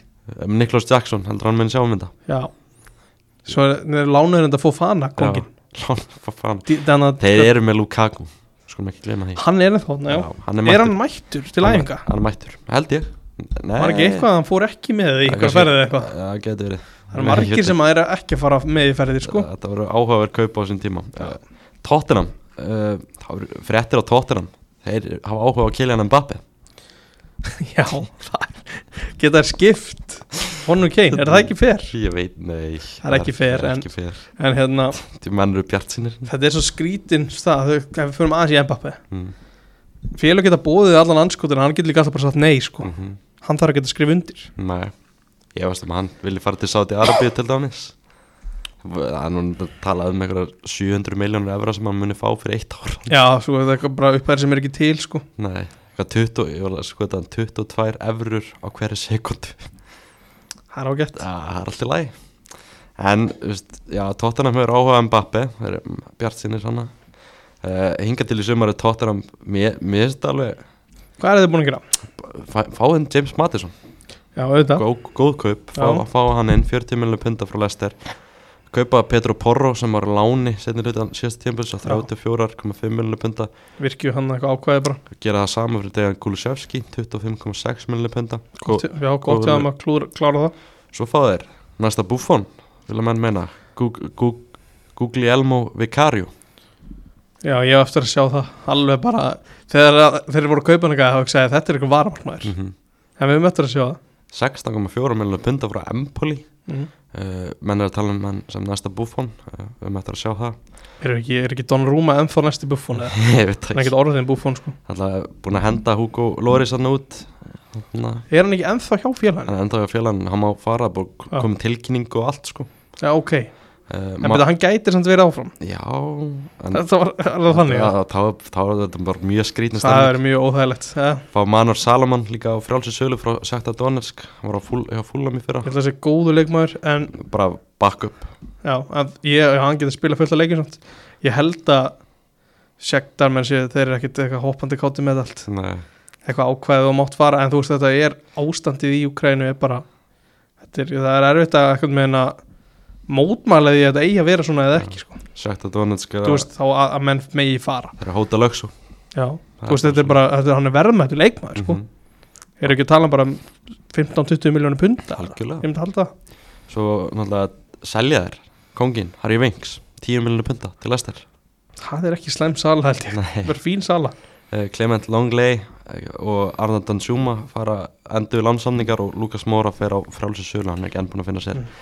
nýtt félag, náttúrulega þeir eru ennþá, þeir eru svona orðaði við lengli aftur sko. já, já, ég held að það sé ekki off það er svona stæsta máli í kringu tóttunum er náttúrulega bara Harry Kane já, við varum bara að lesa rétt áður en við fórum í upptöku að sem, svona eigendahópur tóttunum var eitthvað að íta á eftir Daniel Lífi að, að bara selja hann svo við missa hann ekki frýtt næsta sumar Mm. að því ég stóriðast um það að Harry Kane sé að fara að skrönda nýjan samning við, við spörs ég held að gerist ekki sko. Nei, þannig að ef hann fer ekki í sumar þá verður hann pottið bara frítt næsta sumar en alltaf mest talað um bæ munn hér núna að þeir séu að reyna að kaupa hann hann er því þeir stór eru ekki með nýju sko. hann Bayern er ekki með nýju myndi fylla í skar að myndi leysa Erik Maxim Tjúpa Móting af hólmi Já, hann er nýja þeirra. Já, hann er hann ekki er- ennþá hjá liðinu? Jú. Jú. Ef þú pældir því, hann er náttúrulega ekki í neinum heimi er hann starter hjá Bayern München. bara djöfull sem Harry Kane myndi gera bæjan miklu, miklu, miklu betra liði Já, ég myndi halda það. Mm, en svo er náttúrulega það sem menn er að pæla í hvort hans er tilbúin að fara til Þýskalands og gefa veist, veist, öll þessi met sem hann er með á Englandi það er náttúrulega markaðist leikmæri sögu ennskurðstalluna, hann er ekki langt frá því En hann er svona tveimur geggjum tímabil. eða- Já. Jú, tveimur Tve- geggjum, Já, en hann, það er svona, alveg svona styrlu tímabil sem Mhm. hann þarf. uh, en já, verður bara áhverjast að sjá hvað gerist þar á næstu vikum Tottenham alltaf ekki neittni Evrópakefni ár Nei. Sem að hjálp, myndurlega hjálpa honum að að raða inn í Já, þetta. og ég held að James Mattisson muni hjálpaði mikið, hann er ver verulega góðu leikmaður en þetta Tottenham lið er ekkit spennandi Nei, ég get ekki séð hvað er spennandi við það. Skiparinn, Hann er hann, hann er hann já. Hauberg orðar í burtu. Já. ekki, þú veist, þetta er ekki slæmt sko að sé orðar í burtu það er fínt fyrir það held ég aðeins að hrista upp í þessu mm -hmm. bara varnalína þeirra er ekki, ekki spes af hverju er ekki komin hafsend mhm. Þeir eru að reyna við hvað hann frá Wolfsburg var ekki, Jú, það er einhver meður frá Wolfsburg hollensku við, að Já, ég man ekki man nafna á. Nei, og svo er hann að Danni eitthvað held ég, Tosin Aderabæjó, líka frá Fúlan til aðeins ekki með það Já. það er ekki gera það, Nei, nei, Uh, já, þetta er áhugað þetta En geti alveg eins og fyrir með Davinson Sanchez annars sko. ég, ég skal segja þér, ég er spenntið fyrir þessum stjóra Ég er honum mjög spenntið fyrir hann er hann ekki svolítið svona, er hann ekki töffar eða? Jú, hann er bara grjótarður Ans, Hans post, postu soglu já, Hann er, það var einhver, einhver blaðmarinn að vera að fyndin Okkur fréttamann að funda hann Hann mætti með bæjan treyju, Harry Kane að merta sniður Já, og hann far aldrei að mæta aftur á fundi á Tottenham sjöfull er ég ánæði með hann Hans, hans, út, hans tók ekki vel í þetta út með vinnur Ég held að hans er bara, hann er spennandi þjálfari sko. Hann já, þetta er, það er oft komið svona nokkuð skemmtilegin upp frá, frá hérna Celtic mm Neil Lennon og Brenda Rogers og fleiri sko En Já, eða, þetta er náttúrulega, þetta er svona nafn sem við höfum aldrei heyrt um í rauninni Nei, þetta er bara gæði sem var að þjálfa í Japan og Já. þú veist, hann er með leikstíl og hann, er, hann virkar grótarðin en ég er spenntur að sjá hvað kemur út úr þessu En Hvernig, þú veist, hvernig líst þér á hana nýja markmann og ég er, ég er ekki seldur á þetta Nei, sko en svo, þú veist, svo horfum maður eins og segir á leikmannhópin sko. þetta er ekkit Það er ekkert búið að breytast sko Þegar Mattisson kemur inn á E miðuna Já, vorum að, þú veist, tölum náttúrulega- Ísby Suma reyndar getur ekki við orðið léleir en hann var við tölum alltaf mikið við litlu flugun og hörðu ákvæmstunum og alltaf þess að gæja á sérst Já. templi þeir vildi bara losa allan leikmannhópin Já, já, bara burt með þetta allt Já. nema ykkur að Sonnarinn var alltaf ömulegur í fyrra líka Já, Getur ekki það orðið var nú verri. orðað við Saudi Arabi Já, ég held að tóttunum henni hefði bara verið ánæg með það Það, hef, það, hef svolítið hrist, það, það hefði hrist upp í hlutunum mm bara herfum við okkur breytum hérna stil Richarlison líka, það er fullt af mönnu sem að skulda framistur, Já, alveg hellingur svona alltaf, þú veist, það er eitthvað að tala um Ivan Perisic að hann sé að fara heim til Gróti þá er kannski bara best fyrir það, ég held að hann það sé er best bara, fyrir alla hann er bara búinn sko. hann var búinn áður en hann kom Mhm. en einhvern veginn, þú veist, hann hann er með- hann er með góða löpp, það hefur aldrei vantað Mhm. og það hefur lýsast í assist sko ég held að tóttunum þurfi klálega að bæta við sig fleiri leikmennum ef þeir eru alltaf að gera eitthvað á þessu tímabili ég myndi halda það, já, hann Og- myndi styrkja sig enn frekar á miðunni ná eitthvað að róa Harry Kane og halda honum en þeir fána alltaf aftur inn Bentancur mm sem að vantaði hluta tíma það, það er eitt það er þeirra, be- það er þeirra besti miðmaður, er það ekki? jú, Ég myndi jú, halda það. ég held að þannig að það er svona smá allavega jákvæmt kannski fyrir utan skipar skipar hann á góðan degi, það jafnast ekki þá var hann uh, kannski við rúlum bara örsnögt yfir annað stór sem hefur gerst Aston Villa náttúrulega þeir eru á leiði Evropakenni, þeir eru á leiðin í sambandstælun þeir hérna þeir tóku mann sem alltaf var orðað við sáti erfi já, fengum Musa Diaby 51,9 miljón punta wow. þetta er rosalega það er pening alvöru pening já, alveg upphæð fyrir Aston Villa er þetta bara risastórt Já, hann valdi, valdi þessum Premier League yfir- fram með peningan í Saudi-Arabíu, hann er Mm. bara vel gert hjá honum Já. uh, Pau Torres Það er ekki nóg peningur í premjál Nei, hann fæ nú eitthvað að borga hjá Já, stæðan já, smá uh, Pau Torres, bara stórkosti kaupaldi Gekkjaður, ég- bara United átt að taka hann á sín tíma en, en fínt eftir að lítið að koma að taka hann ekki kannski Það sem maður hefur séð þessum gæði, hann er bara hefur margt brunst að bera og getur Klárt. orðið ansi góður fyrir 33 munlega punta Verður þetta ekki hann og hérna Hvern, hvern keftu þér aftur í fyrra sem mittist í byrjun tímafélis sem svo er komin aftur Mm. Dog, dog, ekki Douglas Þetta er hérna hann Diego Carlos, Diego Carlosson, það var nálægt þessu Braslíumar uh, Já. Svo fáði náttúrulega Júri Tílemans líka á frálsölu Því líka Já, gluggi fínt. á Aston Villa, hinga til uh, Al- Já, já, þeir missa samt Missa Asli Jung kongin Já, hann fyrir til Everton Á- Það er, það er reynda mjög áhald uh, Born, Everton, Bornmoth, náttúrulega þeir ræða nýjan stjóra Antoni Iraola kemur frá, segðu mér að skurða þér alltaf, fyr, já, ég man bara svona best eftir honum sem fyrirlega Athletic Bilbao Já, hann var lengi, lengi í Bilbao bakverður og, og gerði svo góð hluti með Rayo Vallecano uh, í lag líka og er þetta núna baski mætt- Já, þetta er baski þetta er baski hann alltaf mætti t- til Bornmoth núna þetta var óvantasti brottrækstu bara sem ég hef bara séð Það hefur ekkert komin eftir eitthvað svona meira nei að mannstu tíðindi sem komið daginn áður mm, að það væri einhver sem var að vera að rannsaka einhver stjóri í dildinni já fyrir, og það var ekkert eðla suspicious að það væri bara hann fyrir hvað var það aftur var ekki, var ekki eitthvað svona eitthvað áreiti eða nöðg það var eitthvað svona já já, og þarna, já, og það var eitthvað suspicion ég held að hann tengist ekkert ekkert því sko þetta var ótrúlega óhefileg tímasetning þetta já. var. já, og þetta var Þetta, bara var, þetta var á mánudegi mhm, mhm. það kom snemma og kvöldi áður hefði hitt komið út og maður bara jæja ok mhm. já, þetta var, þetta var atna, mjög óvænt Mm. og kom manni bara í opna opna skjöldu, en þeir fengu era óla í staðin bara um, hef, samt sem fengu var hann bara gríðarlega ósakjað brottrækstur gafkvært Garjón Nils, já en samt þú veist sem var einn af stjórum tímabilsins já, já, þú veist, hann náði út þeim hóp sem að var hann sem að bara verðum að gefa hann það að þetta, þessi hópi var ekki sérstakur mm -hmm. en ef það átti kannski að taka eitthvað næsta skrif þá bara mátu þetta öðruvísi mhm. það, við það, erum eftir að sjá bara hvort þetta var rétt eða ekki Ég fann hérna greinin hjá mér á Premier League boss questioned by police over alleged rape of a teenage girl já, Þetta var nú ekki skemmtilegt og degi síðar var samt Gary O'Neill reikinn frá Bormóð þannig að eðlilega fór kannski fólk að hugsa að hann var eitthvað tengt í þessum, það hefur ekkert komið það var ekki neitt komið meira um það mál Nei, þannig að maður veit, maður veit ekki neitt í, í því, því máli sko. Maður- uh, Bormóð hefur hafa an, annars verið mjög virkir á leikmannaglöfunum náttúrulega keiftu Hamed Traore sem var á láni hjá þeim, sendiluta síðast tempilegis 20 miljonar punta, fá Milos Kerkjas sem er vinstri bakverður frá Ungverlandi mjög spennandi leikmaður, 15,5 miljonar punta, Róman Favr frá Lyon og Justin Kloivert náttúrulega með eftirnafn sem margir kannast við, þetta er sonur hana, Patrik Kloivert, Já, ég hef akkurat enga trú á þessum gæði eftir að hafa síðan hjá Róma sko. nei bara gatt og líka var hann ekki á Leipzig mm hann gatt ekkert þar sko. var láni hjá Valencia á síðustu leiti uh, kaupa hann á 9,6 miljonar punta en þetta er ég, samt alveg- ég sammála þetta, mér er alveg spennandi að vera komið klæðvert í deildina sko. mm. uh, Brentford þeir, þeir hafa látið til, mikið til sem taka líka kannski hann að skrítnustu kaup sumasins Kevin Shade fann að 21,4 miljonar punta sóknum að frá Freiburg sem var þá dýrasti leikmann sem Brentford hefur keft mm þeir eru búin að bæta það með núna Já, ég veit það, þess að ég var þá uh, þessi gæi, Stangi, hvað getur þú sagt mér um þennan gæi? Þetta er sérst leikmaður sem þeir fengu á láni frá Þýskalandi ég maður ekki sem frá hvaða liði Mhm. Freiburg frá Freiburg mm -hmm. sem að væntalega spila n- það marga leiki að þeir þur, þurft Já, að ég, kaupa það getur ekki hann verið Gæðin spilaði 19 leiki og skoraði 0 mörg og hann er fram, framherri sko. Já, já, hann er svona maður þannig að það er, ég hel, veit ekki alveg hvort að þeir klúður þessu óvart mér finnst það pínu að þessi gaur gerði ekkert fyrir neitt þess að hann gerði ekki neitt þegar maður var að horfa á hann maður eftir að sé, sé mínútur hér og þar mm. Ég, bara- ég hald ángríns þegar hafi látið hann spila of mikið bara óvart sko.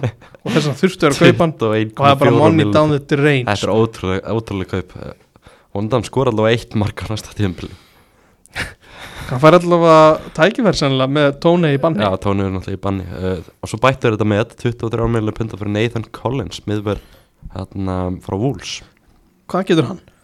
uh, Hvenær hefur hann verið góður? Ég veit það ekki sko, þetta er bara þetta er svona power miður Hann átti, svona, hann átti leiki með börnuleg þegar þau voru að reyna að halda sér uppi mm -hmm. Byrjaði hjá Wolves en svo mista hann setti sér til liðinu og þeir kaupa hann á met upphæð Já, og hérna Thomas Frank segir þetta sé- að hérna leikmaður sem varði einu tímabili á Molinó sé hinn fullkomni Brentford leikmaður Þannig að eitthvað hefur hann séð í hann Já, það er eitthvað uh, Náttúrulega stæst hjá Þeir eru að reyna hann að Brennan Johnson mm. ekki?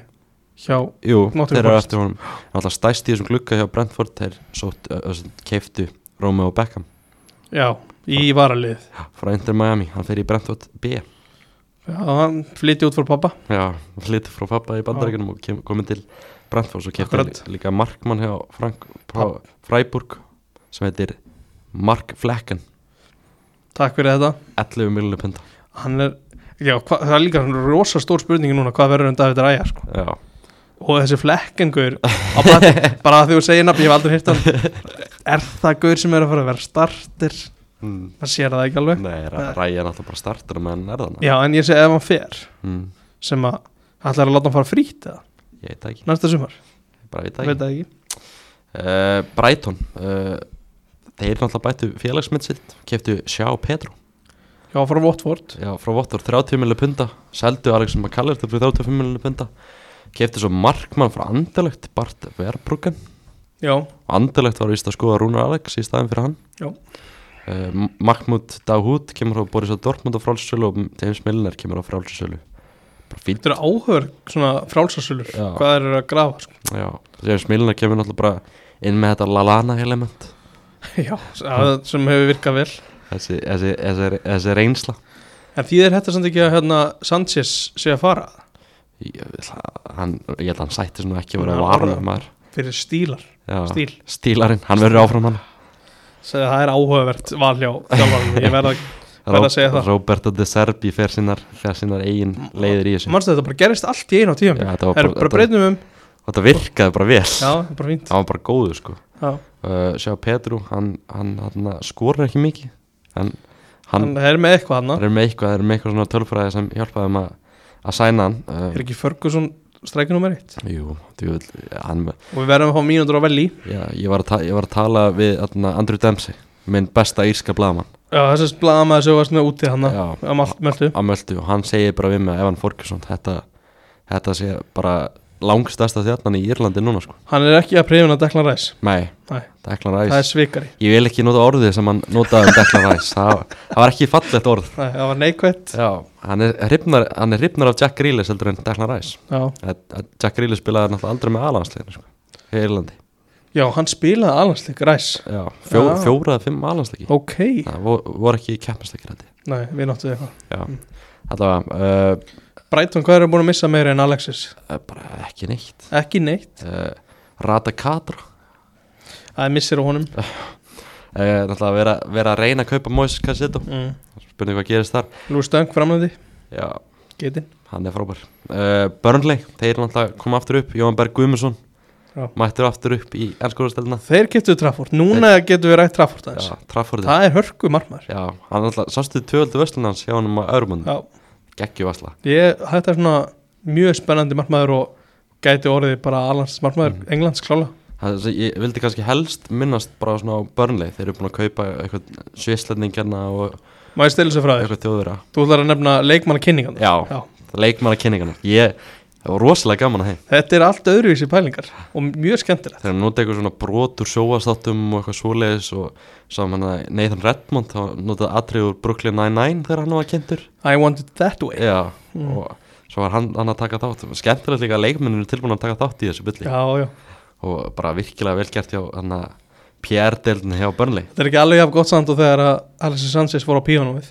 Það er sannlega stærsta það er það besta í þessu uh, Krista Palas uh, það er svona það er, menn voru með tárin í augunum í ger Býtu, Vilvur Saga Já. hann er farin hann fekk samt stórt tilbóð Fjögur ára tilbóð eða eitthvað Já, Galatasaray Er hann farið staðfest? Já, Það er svoleiðis hann er uh, þetta- tímamót hjá Pallas Já, þetta er bara nýr kapli í sögu Palace Þetta er eh, svona, þeirra stærst, stærsta stjarnas bara í tíu ári eða eitthvað mikið held ég að þetta sé gott fyrir Pallas líka Ég held þetta svo gott fyrir Bara félagi það. líka mjög mikill léttir á sama tíma sko. Losa sig við hann um, en að- bara- skrítið að hann fór til Ég Galtasa held að hann var að fara til Saudi En hann endar hjá Galatasaray af hverju fara hann og Tatits til Tyrkland sem er ekki sátt Það er peninga það líka En ekki eins mikil peningar það er ekki jafn mikil peningar og bara í premjör lík Kannski eru menn bara ekki tilbúinir Eitthvað hrætti við að fara til Saudi Það er allt öðru sem menningar heimur Einu leikmann sem kom til Palace uh, Jefferson Larma frálsölu Ég held að það sé fínt uh, Rói Hodgson á af það hverju er það fínt Hann er bara með presence á miðsvæðinu Presens og ertu bara að segja eitthvað og ert bara að segja hann, eitthvað hann er hávaksinn hann, þú veist þetta er fýtt spilari en, en þú veist Það fá hann á frjálssölu þetta Pallas á, á það eiga bara eftir að gera allt sem það er alltaf að gera Já, þeir eru ekki búin að fá hann eitt Anna, þetta er ótrúlega skrítið ég hljóta að bæta við þessi byrju Dukóri hjá, hjá hérna Pallas Já, var hann ekki orðaði við hann er eitthvað orðið að við Liverpool já akkurat 70-80 miljonar punta vil ég að fá fyrir hann já svona svona skipti, skipti mynd bara Já, það er leitt Þannig að Rói Hodgson, hann verður áfram hann það er enda gæðið Ég hef mjög gaman að því að, Eh, þú veist geta er eitthvað bara, þú veist jú þetta geta er það en þegar að, þetta fer að byrja eitthvað illa hvað vorum við að gera þetta verður Það er svo svo- þannig dæmis. Það verður svo steikt að verður rekin eftir eitthvað tíu leikir það verður mjög skrítið Já. Hann hlýtur alltaf að fá tímabili Fyrst hann, ég veit það svolítið ekki Nein, það er ingi þólum að ef þetta verður vesinn um jólin þá fer hann bara Já, Jack Butland fæðin til Rangers of Prálsinsvölu Þetta er eftirmillega Rauninu ránstöl rauninu fer frá United Já uh, Everton, þeir eru búin að láta vel til sem taka hinga til í klukunum, búin að bæta við þessi tveimur leikmannum, Asli Young og Arnátt Danjuma Já, veitir, þeir voru orðaðið við eitthvað, eitthvað alveg við eitthvað fyndið, var það ekki Mm, mm. var ekki, þú veist, Demari Grey eða eitthvað sem átt að fara, nei, þetta var eitthvað skrítið sem að, var tengt, var tengt Everton mm. ég man ekki alveg hver það var, þannig að þetta er ekki við getum eiginlega ekki að fara með þetta lengra Nei, þetta var skemmtilega að sagja Já, takk fyrir það, uh, Náttúrulega, hvort að Dwight McNeil var orðaðið við eitthvað fyndið liðið eitthvað. þeim tó, tókst að selja Moise Keane til Juventus aftur 24 miljonir punta Asmi Bekovic farinn, Tom Davies released það er ekki nót fyrir hann Nei, Nei. en kannski svona stótt ég er mína líka farin en svona kannski stæst í þessu Æ, æ, og kótiðir keftu hann ekki kannski stó- stærst, stærsta fréttinar af Evertón í sumar, Dele Alli Já, hann alltaf fór í þetta viðtalan um daginn uh, bara stórkostætt viðtal þar sem hann opnaði sig, bara gala opnaði sig talaði um uh, meðal annars um svefntöflu fíkn uh, Mm. og það hann var misnútaður í esku uh, og eftir þetta viðtal á skilum var svona, hvernig, svona af hverju síðust ár hafa verið eins og þau hafa verið hjá hann uh, en hann segist aldrei að vera á betri stað en núna og er mættur aftur hann lítur að geta gefið Evertón eitthvað ef hann er í góðu standi klálega, Dele Alli var frábær upp á sitt bestið á tóttunum, bara eitt bestið leikmaði deildarinnar bara besti, besti ungi leikmaður Englands á sín tíma Já, bara trillt góður hann að ef að hann er að gera eitthvað og getur bara unni í kringum hann að meitakaðin hann að DCL Mm. sem er aldrei hill þú veist ef að þeir tveir geta verið saman fram með eitthvað það, það getur alveg verið eitthvað Mhm. Fulham uh, ég, byrja, það var, ég ná, fann núna hver þetta var uh, þeir voru orðaðið við Gnóndó já, hjá Leeds mér varst það skemmtilegt af því að það er gæði sem að getur bara gert fullt af hlutum fyrir Evertón sko. Mhm.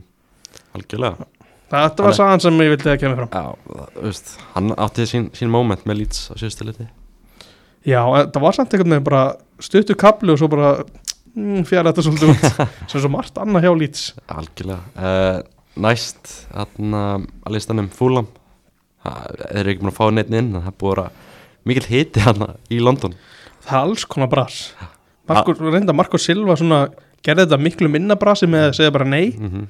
sem er reyndur ótrúlegt að gera ótrúlegt að hann hafi sagt nei þú veist, maður tala um peninga en þú veist, stjórar eru kannski ekki að fá jafn mikið borga og, og leikmenn í skoðstöldinni Sumir samt Já, Já. Guardiola til dæmis Já, jú, jú, Gardióla fær alveg nóg Silva, Marko Silva fekk tilbúð frá Ali Lali í Saudi Arabi 40 miljonar efraður í tvö ár hann hefði orðið næst launast stjóri í heimi Já. Eftir, eftir Diego Simeone og Alltíku Madrid Trillt Hann sagði bara nei við þessu, allar að þjálfa áfram í hans skúrastöldinni er, Hann er líka þannig, þú veist, hann er stjóri sem hefur ekki afreka allt sem hann vill afreka Nei Hann á fullt eftir mm -hmm. Þú veist, Hann gerði hann að hann var, ekki, hann var hjá Evertó, hann var hjá Húl Mm -hmm. en svo gerði hann eitthvað húst í Portugal og eitthvað mhm. en hann er ekkert búin að búin að stimpla sig alveg, ég held að hann vilja alveg verða stjóri hjá topp 5 félagi á Englandi sko. Já. topp 5-6 sko. með síðast tímabil Já. og getur hann alveg gert já, það ég held það nefnilega og líka náttúrulega sagan af fúlam Alexander Mitrovic hann ætlar ekki að spila aftur fyrir félagi segir. með var ekki samt eitthvað aðeins dreigið úr því svo hann. var það? en mér fannst ég að lesa eitthvað um það Mm. að það kannski bara gerst automatlík eitthvað slúður sko. Já, en það voru alltaf sögur um það að náttúrulega fúlam hafnaði tilbúið fyrir að sáti í Mitrovic 35 er það ekki, Jú, hvað svo leys já, þeir vilja fá 52 minnileg punta fyrir hann 52, skemmtileg tala já, Já, já betur hann er já, 52 hann var brjálaður og, og alltaf aldrei að spila aftur fyrir félagi mm. svo var bara að spila svo hvað gerist ég, maður hefur á tilfinninguna að hann endi einhvern veginn á endanum í Saudi Arabi þetta er ekki gauð sem þú vilt hafa reyðan á æfingu sko, hann bara meiðir eitthvað já, það er bara svolítið þannig þú varst eitthvað að tala um að þú vildi fá hann í United já, fá hann sem, fá hann sem backup strækir það getur byrjað fullt á leikjum Jú, eh, ég meina Vátt Vekost byrjaði í mannsturinn ég er ekki bara komin tíma að hætta þessum neyða lausnum Ég er að segja það ef, það- ef að, þetta veri talsvægt skárari lausn heldur en almennt neyðalausnir hjá United hafa verið er, ekki, Ódjóni Galo og fleiri er ekki Joshua King eitthvað stær að spila það Jú, eða Mambi Ramdi Jú, kannski hægt að fá hann aftur fá hann aftur heim Chicharito, nei hann er mittur Já, það er ekki hægt að fá hann nei, Berba, er hann ennþá Nei, nei, það, frá leika sér er ekki hann fósiti búlgarska fótboltansamband Já, getur samt alveg verið enda frammi eins og margir aðri bara já, út og að vekost hvað verður um hann Hæ, ég, Það er enda fín pæling Ég lasa um daginn sko, hann var að spila einhvern æfingarleik með börn og það var baulað á hann, hann var svo liðlegur Já, ég, ég held að þeir fíla hann ekki sko Nei, Þannig ég myndi að halda, fyrir hann ekki bara aftur til Tyrklands var hann ekki flottu þar jú, hann getur örugglega gert flott Við tökum hann aftur í úr janúar það. Nei, guðmi Ég sé góður það ekki uh, Luton, Luton Town, nýleganir Hvað er að stæsta? Tæð Chong, Þeir eru komið tjongaran Chongarinn, Þetta er orðið áhugavert fjóra millinu pinda Erum við að heldur hann sér starter?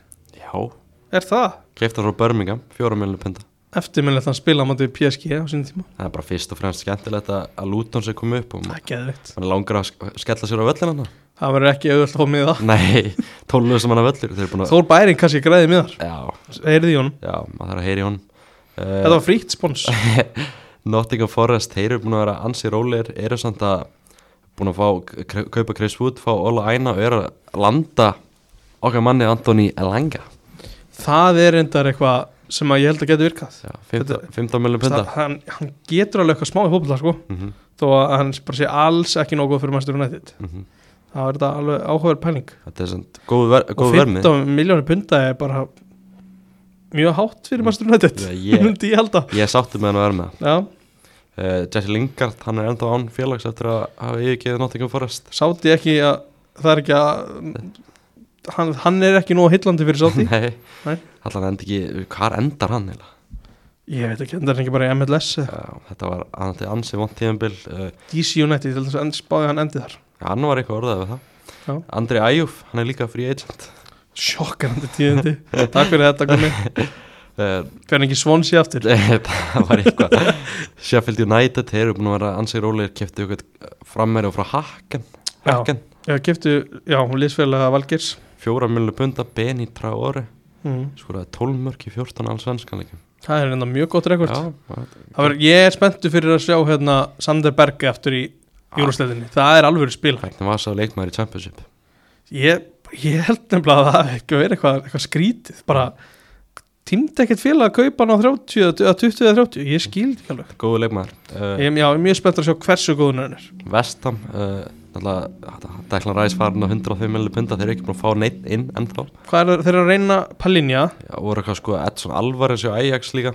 og James Ward-Prowse Já, var ekki Scott McTominay orðað við á líka jú, það er endar ekki slæm lausnandi Nei, með að kaupa hann pældi ég ef að Scott McTominay lítur bara út fyrir að kongurinn á vestam um, þá kannski verður þetta að líta svolítið fyrir út í Arsenal sko en, en nei, nei, ég er bara hans að fýra upp í þessum ennum uh, Vestam, þeir eru líka orðað við Harry Maguire já, það var hafnað bara, það er ekki Ég vonaði að taka hann en þú veist, Vonaði United hafnaði fyrsta tilbúið Ég vonaði að taka hann En getur hann ekki bara að fara á láni Já, bara eða selja hann á 40, vildu þau ekki 40 eða eitthvað, var það ekki Selja hann á 20 já bara, seldu hann bara á 5 mín, mínúna Ég er mjög hrifin á þessar pælingu Selja Harry Maguire á 20 og taka Johnny Evans í staðinn.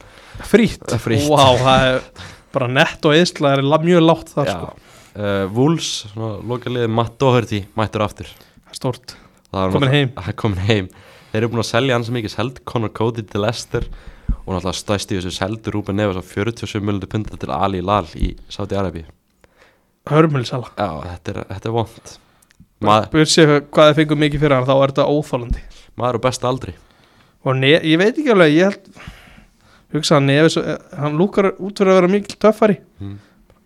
hann er ekki harður þarna Nei, hvernig sagði ekki bara nefin já ég ætla að fara til bara, Þetta er gæðis getur- Barcelona var- Barcelona, Já. það er kannski að þeir gátt ekki kipt hann en það veist þessi guður hefur getað farið í mörg byrjunli á, á Englandi sko Bara Flestur örugglega. það myndi lappin í tóttinan litlum Já, bara þú veist hann er getur frábæð spilað- fyrir tóttunum spila á einu fæti í Tottenham sko. Já, hann er, hann er góður þar Þetta er, já, þetta er ekki gott Það- hvað er svona helsta ís, hvað er, hvað er stærsti svona sem hann býð eftir, Við erum að býð eftir Haulund í Ma- Manchester United miðjumann í Liverpool Já, hvað er meira, það er sókn City, Guardiol Já, Guardiola kom í, kom í City mm. en það er bara aðeins sem ekki búið að gerast yngur til já, það er mjög mikið búið að gerast og alltaf nóg að frétta Romano búin að vera on og off í þessu öll saman Já, hann er að standa sig vel er að Mm. já, vera yfir, yfir dræfið sko mm. eh, bara svona að lokum þá ætlum við kannski svona bara aðeins að spá í þetta eins og staðan er núna snembúin spá um, er þetta ótíman vera spá, ótíðum bara spá það ertu búin að stela þeim lið í premjöring, ég ætla ekki að spá í öll 20 sætin sko Nei. en þú veist, ef maður raða niður topp 7 akkur núna, já, bara 7. sæti hvaða lið myndur sitja þar? byrja næst wow, Þetta er, er, þetta er erfitt sko Til þess að Newcastle verður sjöndsett Newcastle Já, þetta er gott sjátt Mm. uh, Þú ert náttúrulega með Aston Villa líka og Brighton og þessi lið Mm. Já, það verður ekki aðna Þau verða ekki þannig, Já, erfitt sko hvað segir þú? Þú lest að lésmi byrja á sjö Það talast það erfið að byrja neðst, sko Já, mjög erfitt Já, Ég ætla að setja Aston Villa hann Aston Villa, Já, ok Ég er spenntur að sjá hvað, hvernig þú sér rest, sko sjötta seti Til þess að Chelsea þar Já, Það er út frá því að ég gerir á Ég bara geng út frá því þeirri eftir að taka tvo kallin Mhm. ég ætla að setja Chelsea þar líka Sjötta seti Spennandi Og ég, ég, ég skal fara undan, fymta seti Newcastle Já, auð- auðvelt að fara undan þegar valdi mitt í þannig Fymtasæti Já, ég er endar ekki alveg búin að ræða þessu alveg rétt greila ég, Má ég breyta aðeins? mm -hmm. Ég ætla að setja Ég ætla að setja tóttina með 7 Mhm. Newcastle 6 Chelsea 5 Ég ætla Ok. alltaf með Aston Villa hann, Chelsea, Newcastle Já.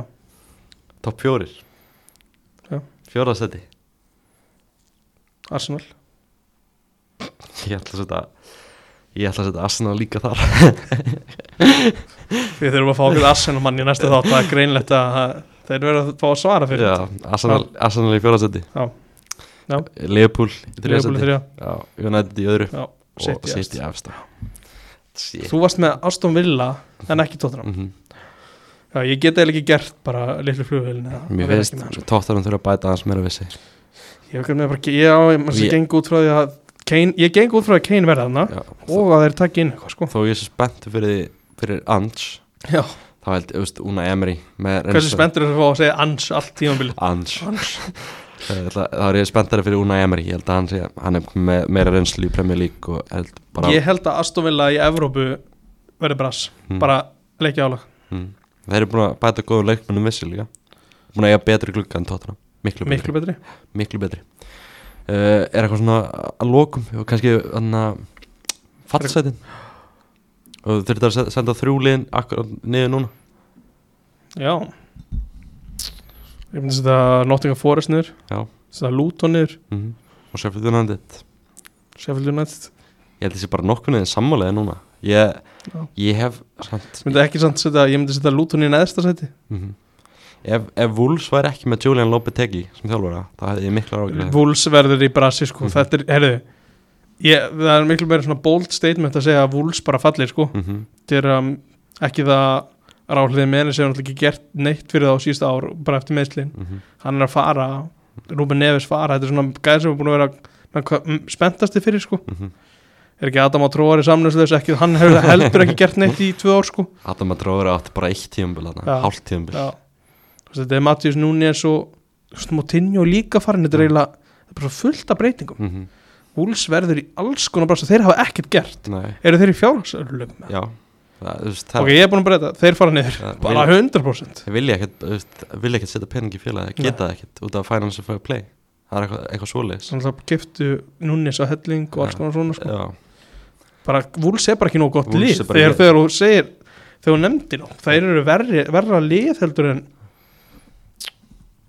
gæti og það lett er auðvelt eitthvað með að setja Nottingham Forest en ég held samt að þeir eru verið í brasi sko. í Nottingham Forest á eftir að gera eitthvað á markan Já. helling Set, ég set Vúls fyrir þá í staðan. mm -hmm. þetta eru bara þrjú lélustu liðin í dag Já, Sjö- Sheffield, og með- Luton og Wolves með fjögur lélustu liðan Já. Nottingham Forest og Everton er alltaf ekki frábært lið sko. Everton er, já, Everton er á mjög undur stað en við, þeir eru að fá þeim Deli Alli Já, þeir fá að dela hann í na, endur nærða Já, rétt uh, Er eitthvað, þú veist, í stóru deildunum eitthvað annað Mm. Benzema farinn Benz, Já, Benzema Það fann til við- sandi það vita allir þetta með sátti, þú veist Þú bara lest fótbollabútunni og serð alla Mm. mm. öllski það er einfyrt á dag og gaur sér að fyrir Já. sátti sko. Já, þetta er ekki skemmtileg þegar þróun maður er ekki gaman að þessu sko.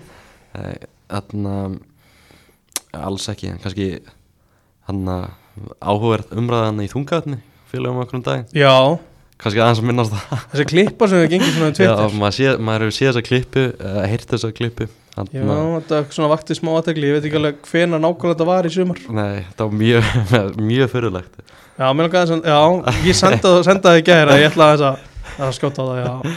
ég veit ekki alveg sko það hefur verið eitthvað gott efni sem að Ríkard Óskar Gunnarsson hefur komist í sko. þegar hann sagði að Tottenham væri með betra lið en United Úf, það er alveg ástand sko þetta er ekki gott og kannski sett hann Jónati sjöundarsæti sjöndasetti það er bara ekki fræðilegu möguleik sko. Ég held að sé bara ekki, ég held að sé ekki fræðilegu möguleiki að Jónati sé að fara að enda utan það var meistralusætis Kobe I, hana, Kobe, kóngurinn. Kobi, Kobe Mænu já, Kobe, ég ætla, ég ætla að segja eitthvað allt annað Kobe, Kobe mænum ef hann verður starter þá er enda lið samtöki sjöndasetti Nei. og hann er ekki bara að starta Nei, ekki sens Nei. og Ar- Amad Diallo kom tilbaka og Mason Mount og Andró Nana og svo fóðu Hólandin Nacho verður betri Já, þetta verður alls konar. þetta verður topp fjórir allavega klárt það annað er bara brottvegstur sko já, ángríns já, það er bara þannig pressa það er bara svo leis uh, þá þökkum við bara fyrir hvað var hlustum þetta langt maður? einn og hálfu tími geggjað við erum alltaf með svona langa þetta. já þetta er bara fín svona fín yfirferð já, bara aðeins að ræða þetta og verðum með ykkur á fleiri þætti á næstu vikum tala við, klárt tala við stuðnismenn félagana og, og svo leis þú verður að finna eiginlega veikari aðalega enn í fyrra já, sérstaklega veikari aðalega í sam samfélaginu það var það er einu ekki, það þáttur er, sem ég ángriðis, ég þorði ekki að hlusta á hann. það er ekki hægt ég þorði ekki ég að held, hlusta ég held ég verði bara ræs út sama ég held teimi sko. bara þegar þú varst að segja mér frá hvað hefði gerst í sem þetta ég, já, ég, ég, ég gati ekki Fólk- ég gati ekki að play fólk er enda að tala við mig um þannig þátt sko. já, ég skila Ég hef þetta bara- var, hvort var veikara Mm. þessi þáttur eða þau fengum mati í þáttin það mat hefa veikara það er sennilega veikast sem við fókum út þetta við gefum út en það er mati komin í agapan já, já, Elvar sett hann í mann já. bara mátt ekki koma á þáttinn aftur. er það ekki Eh, eh, takk, fyrir að, takk fyrir að hlusta og verðum með ykkur síðar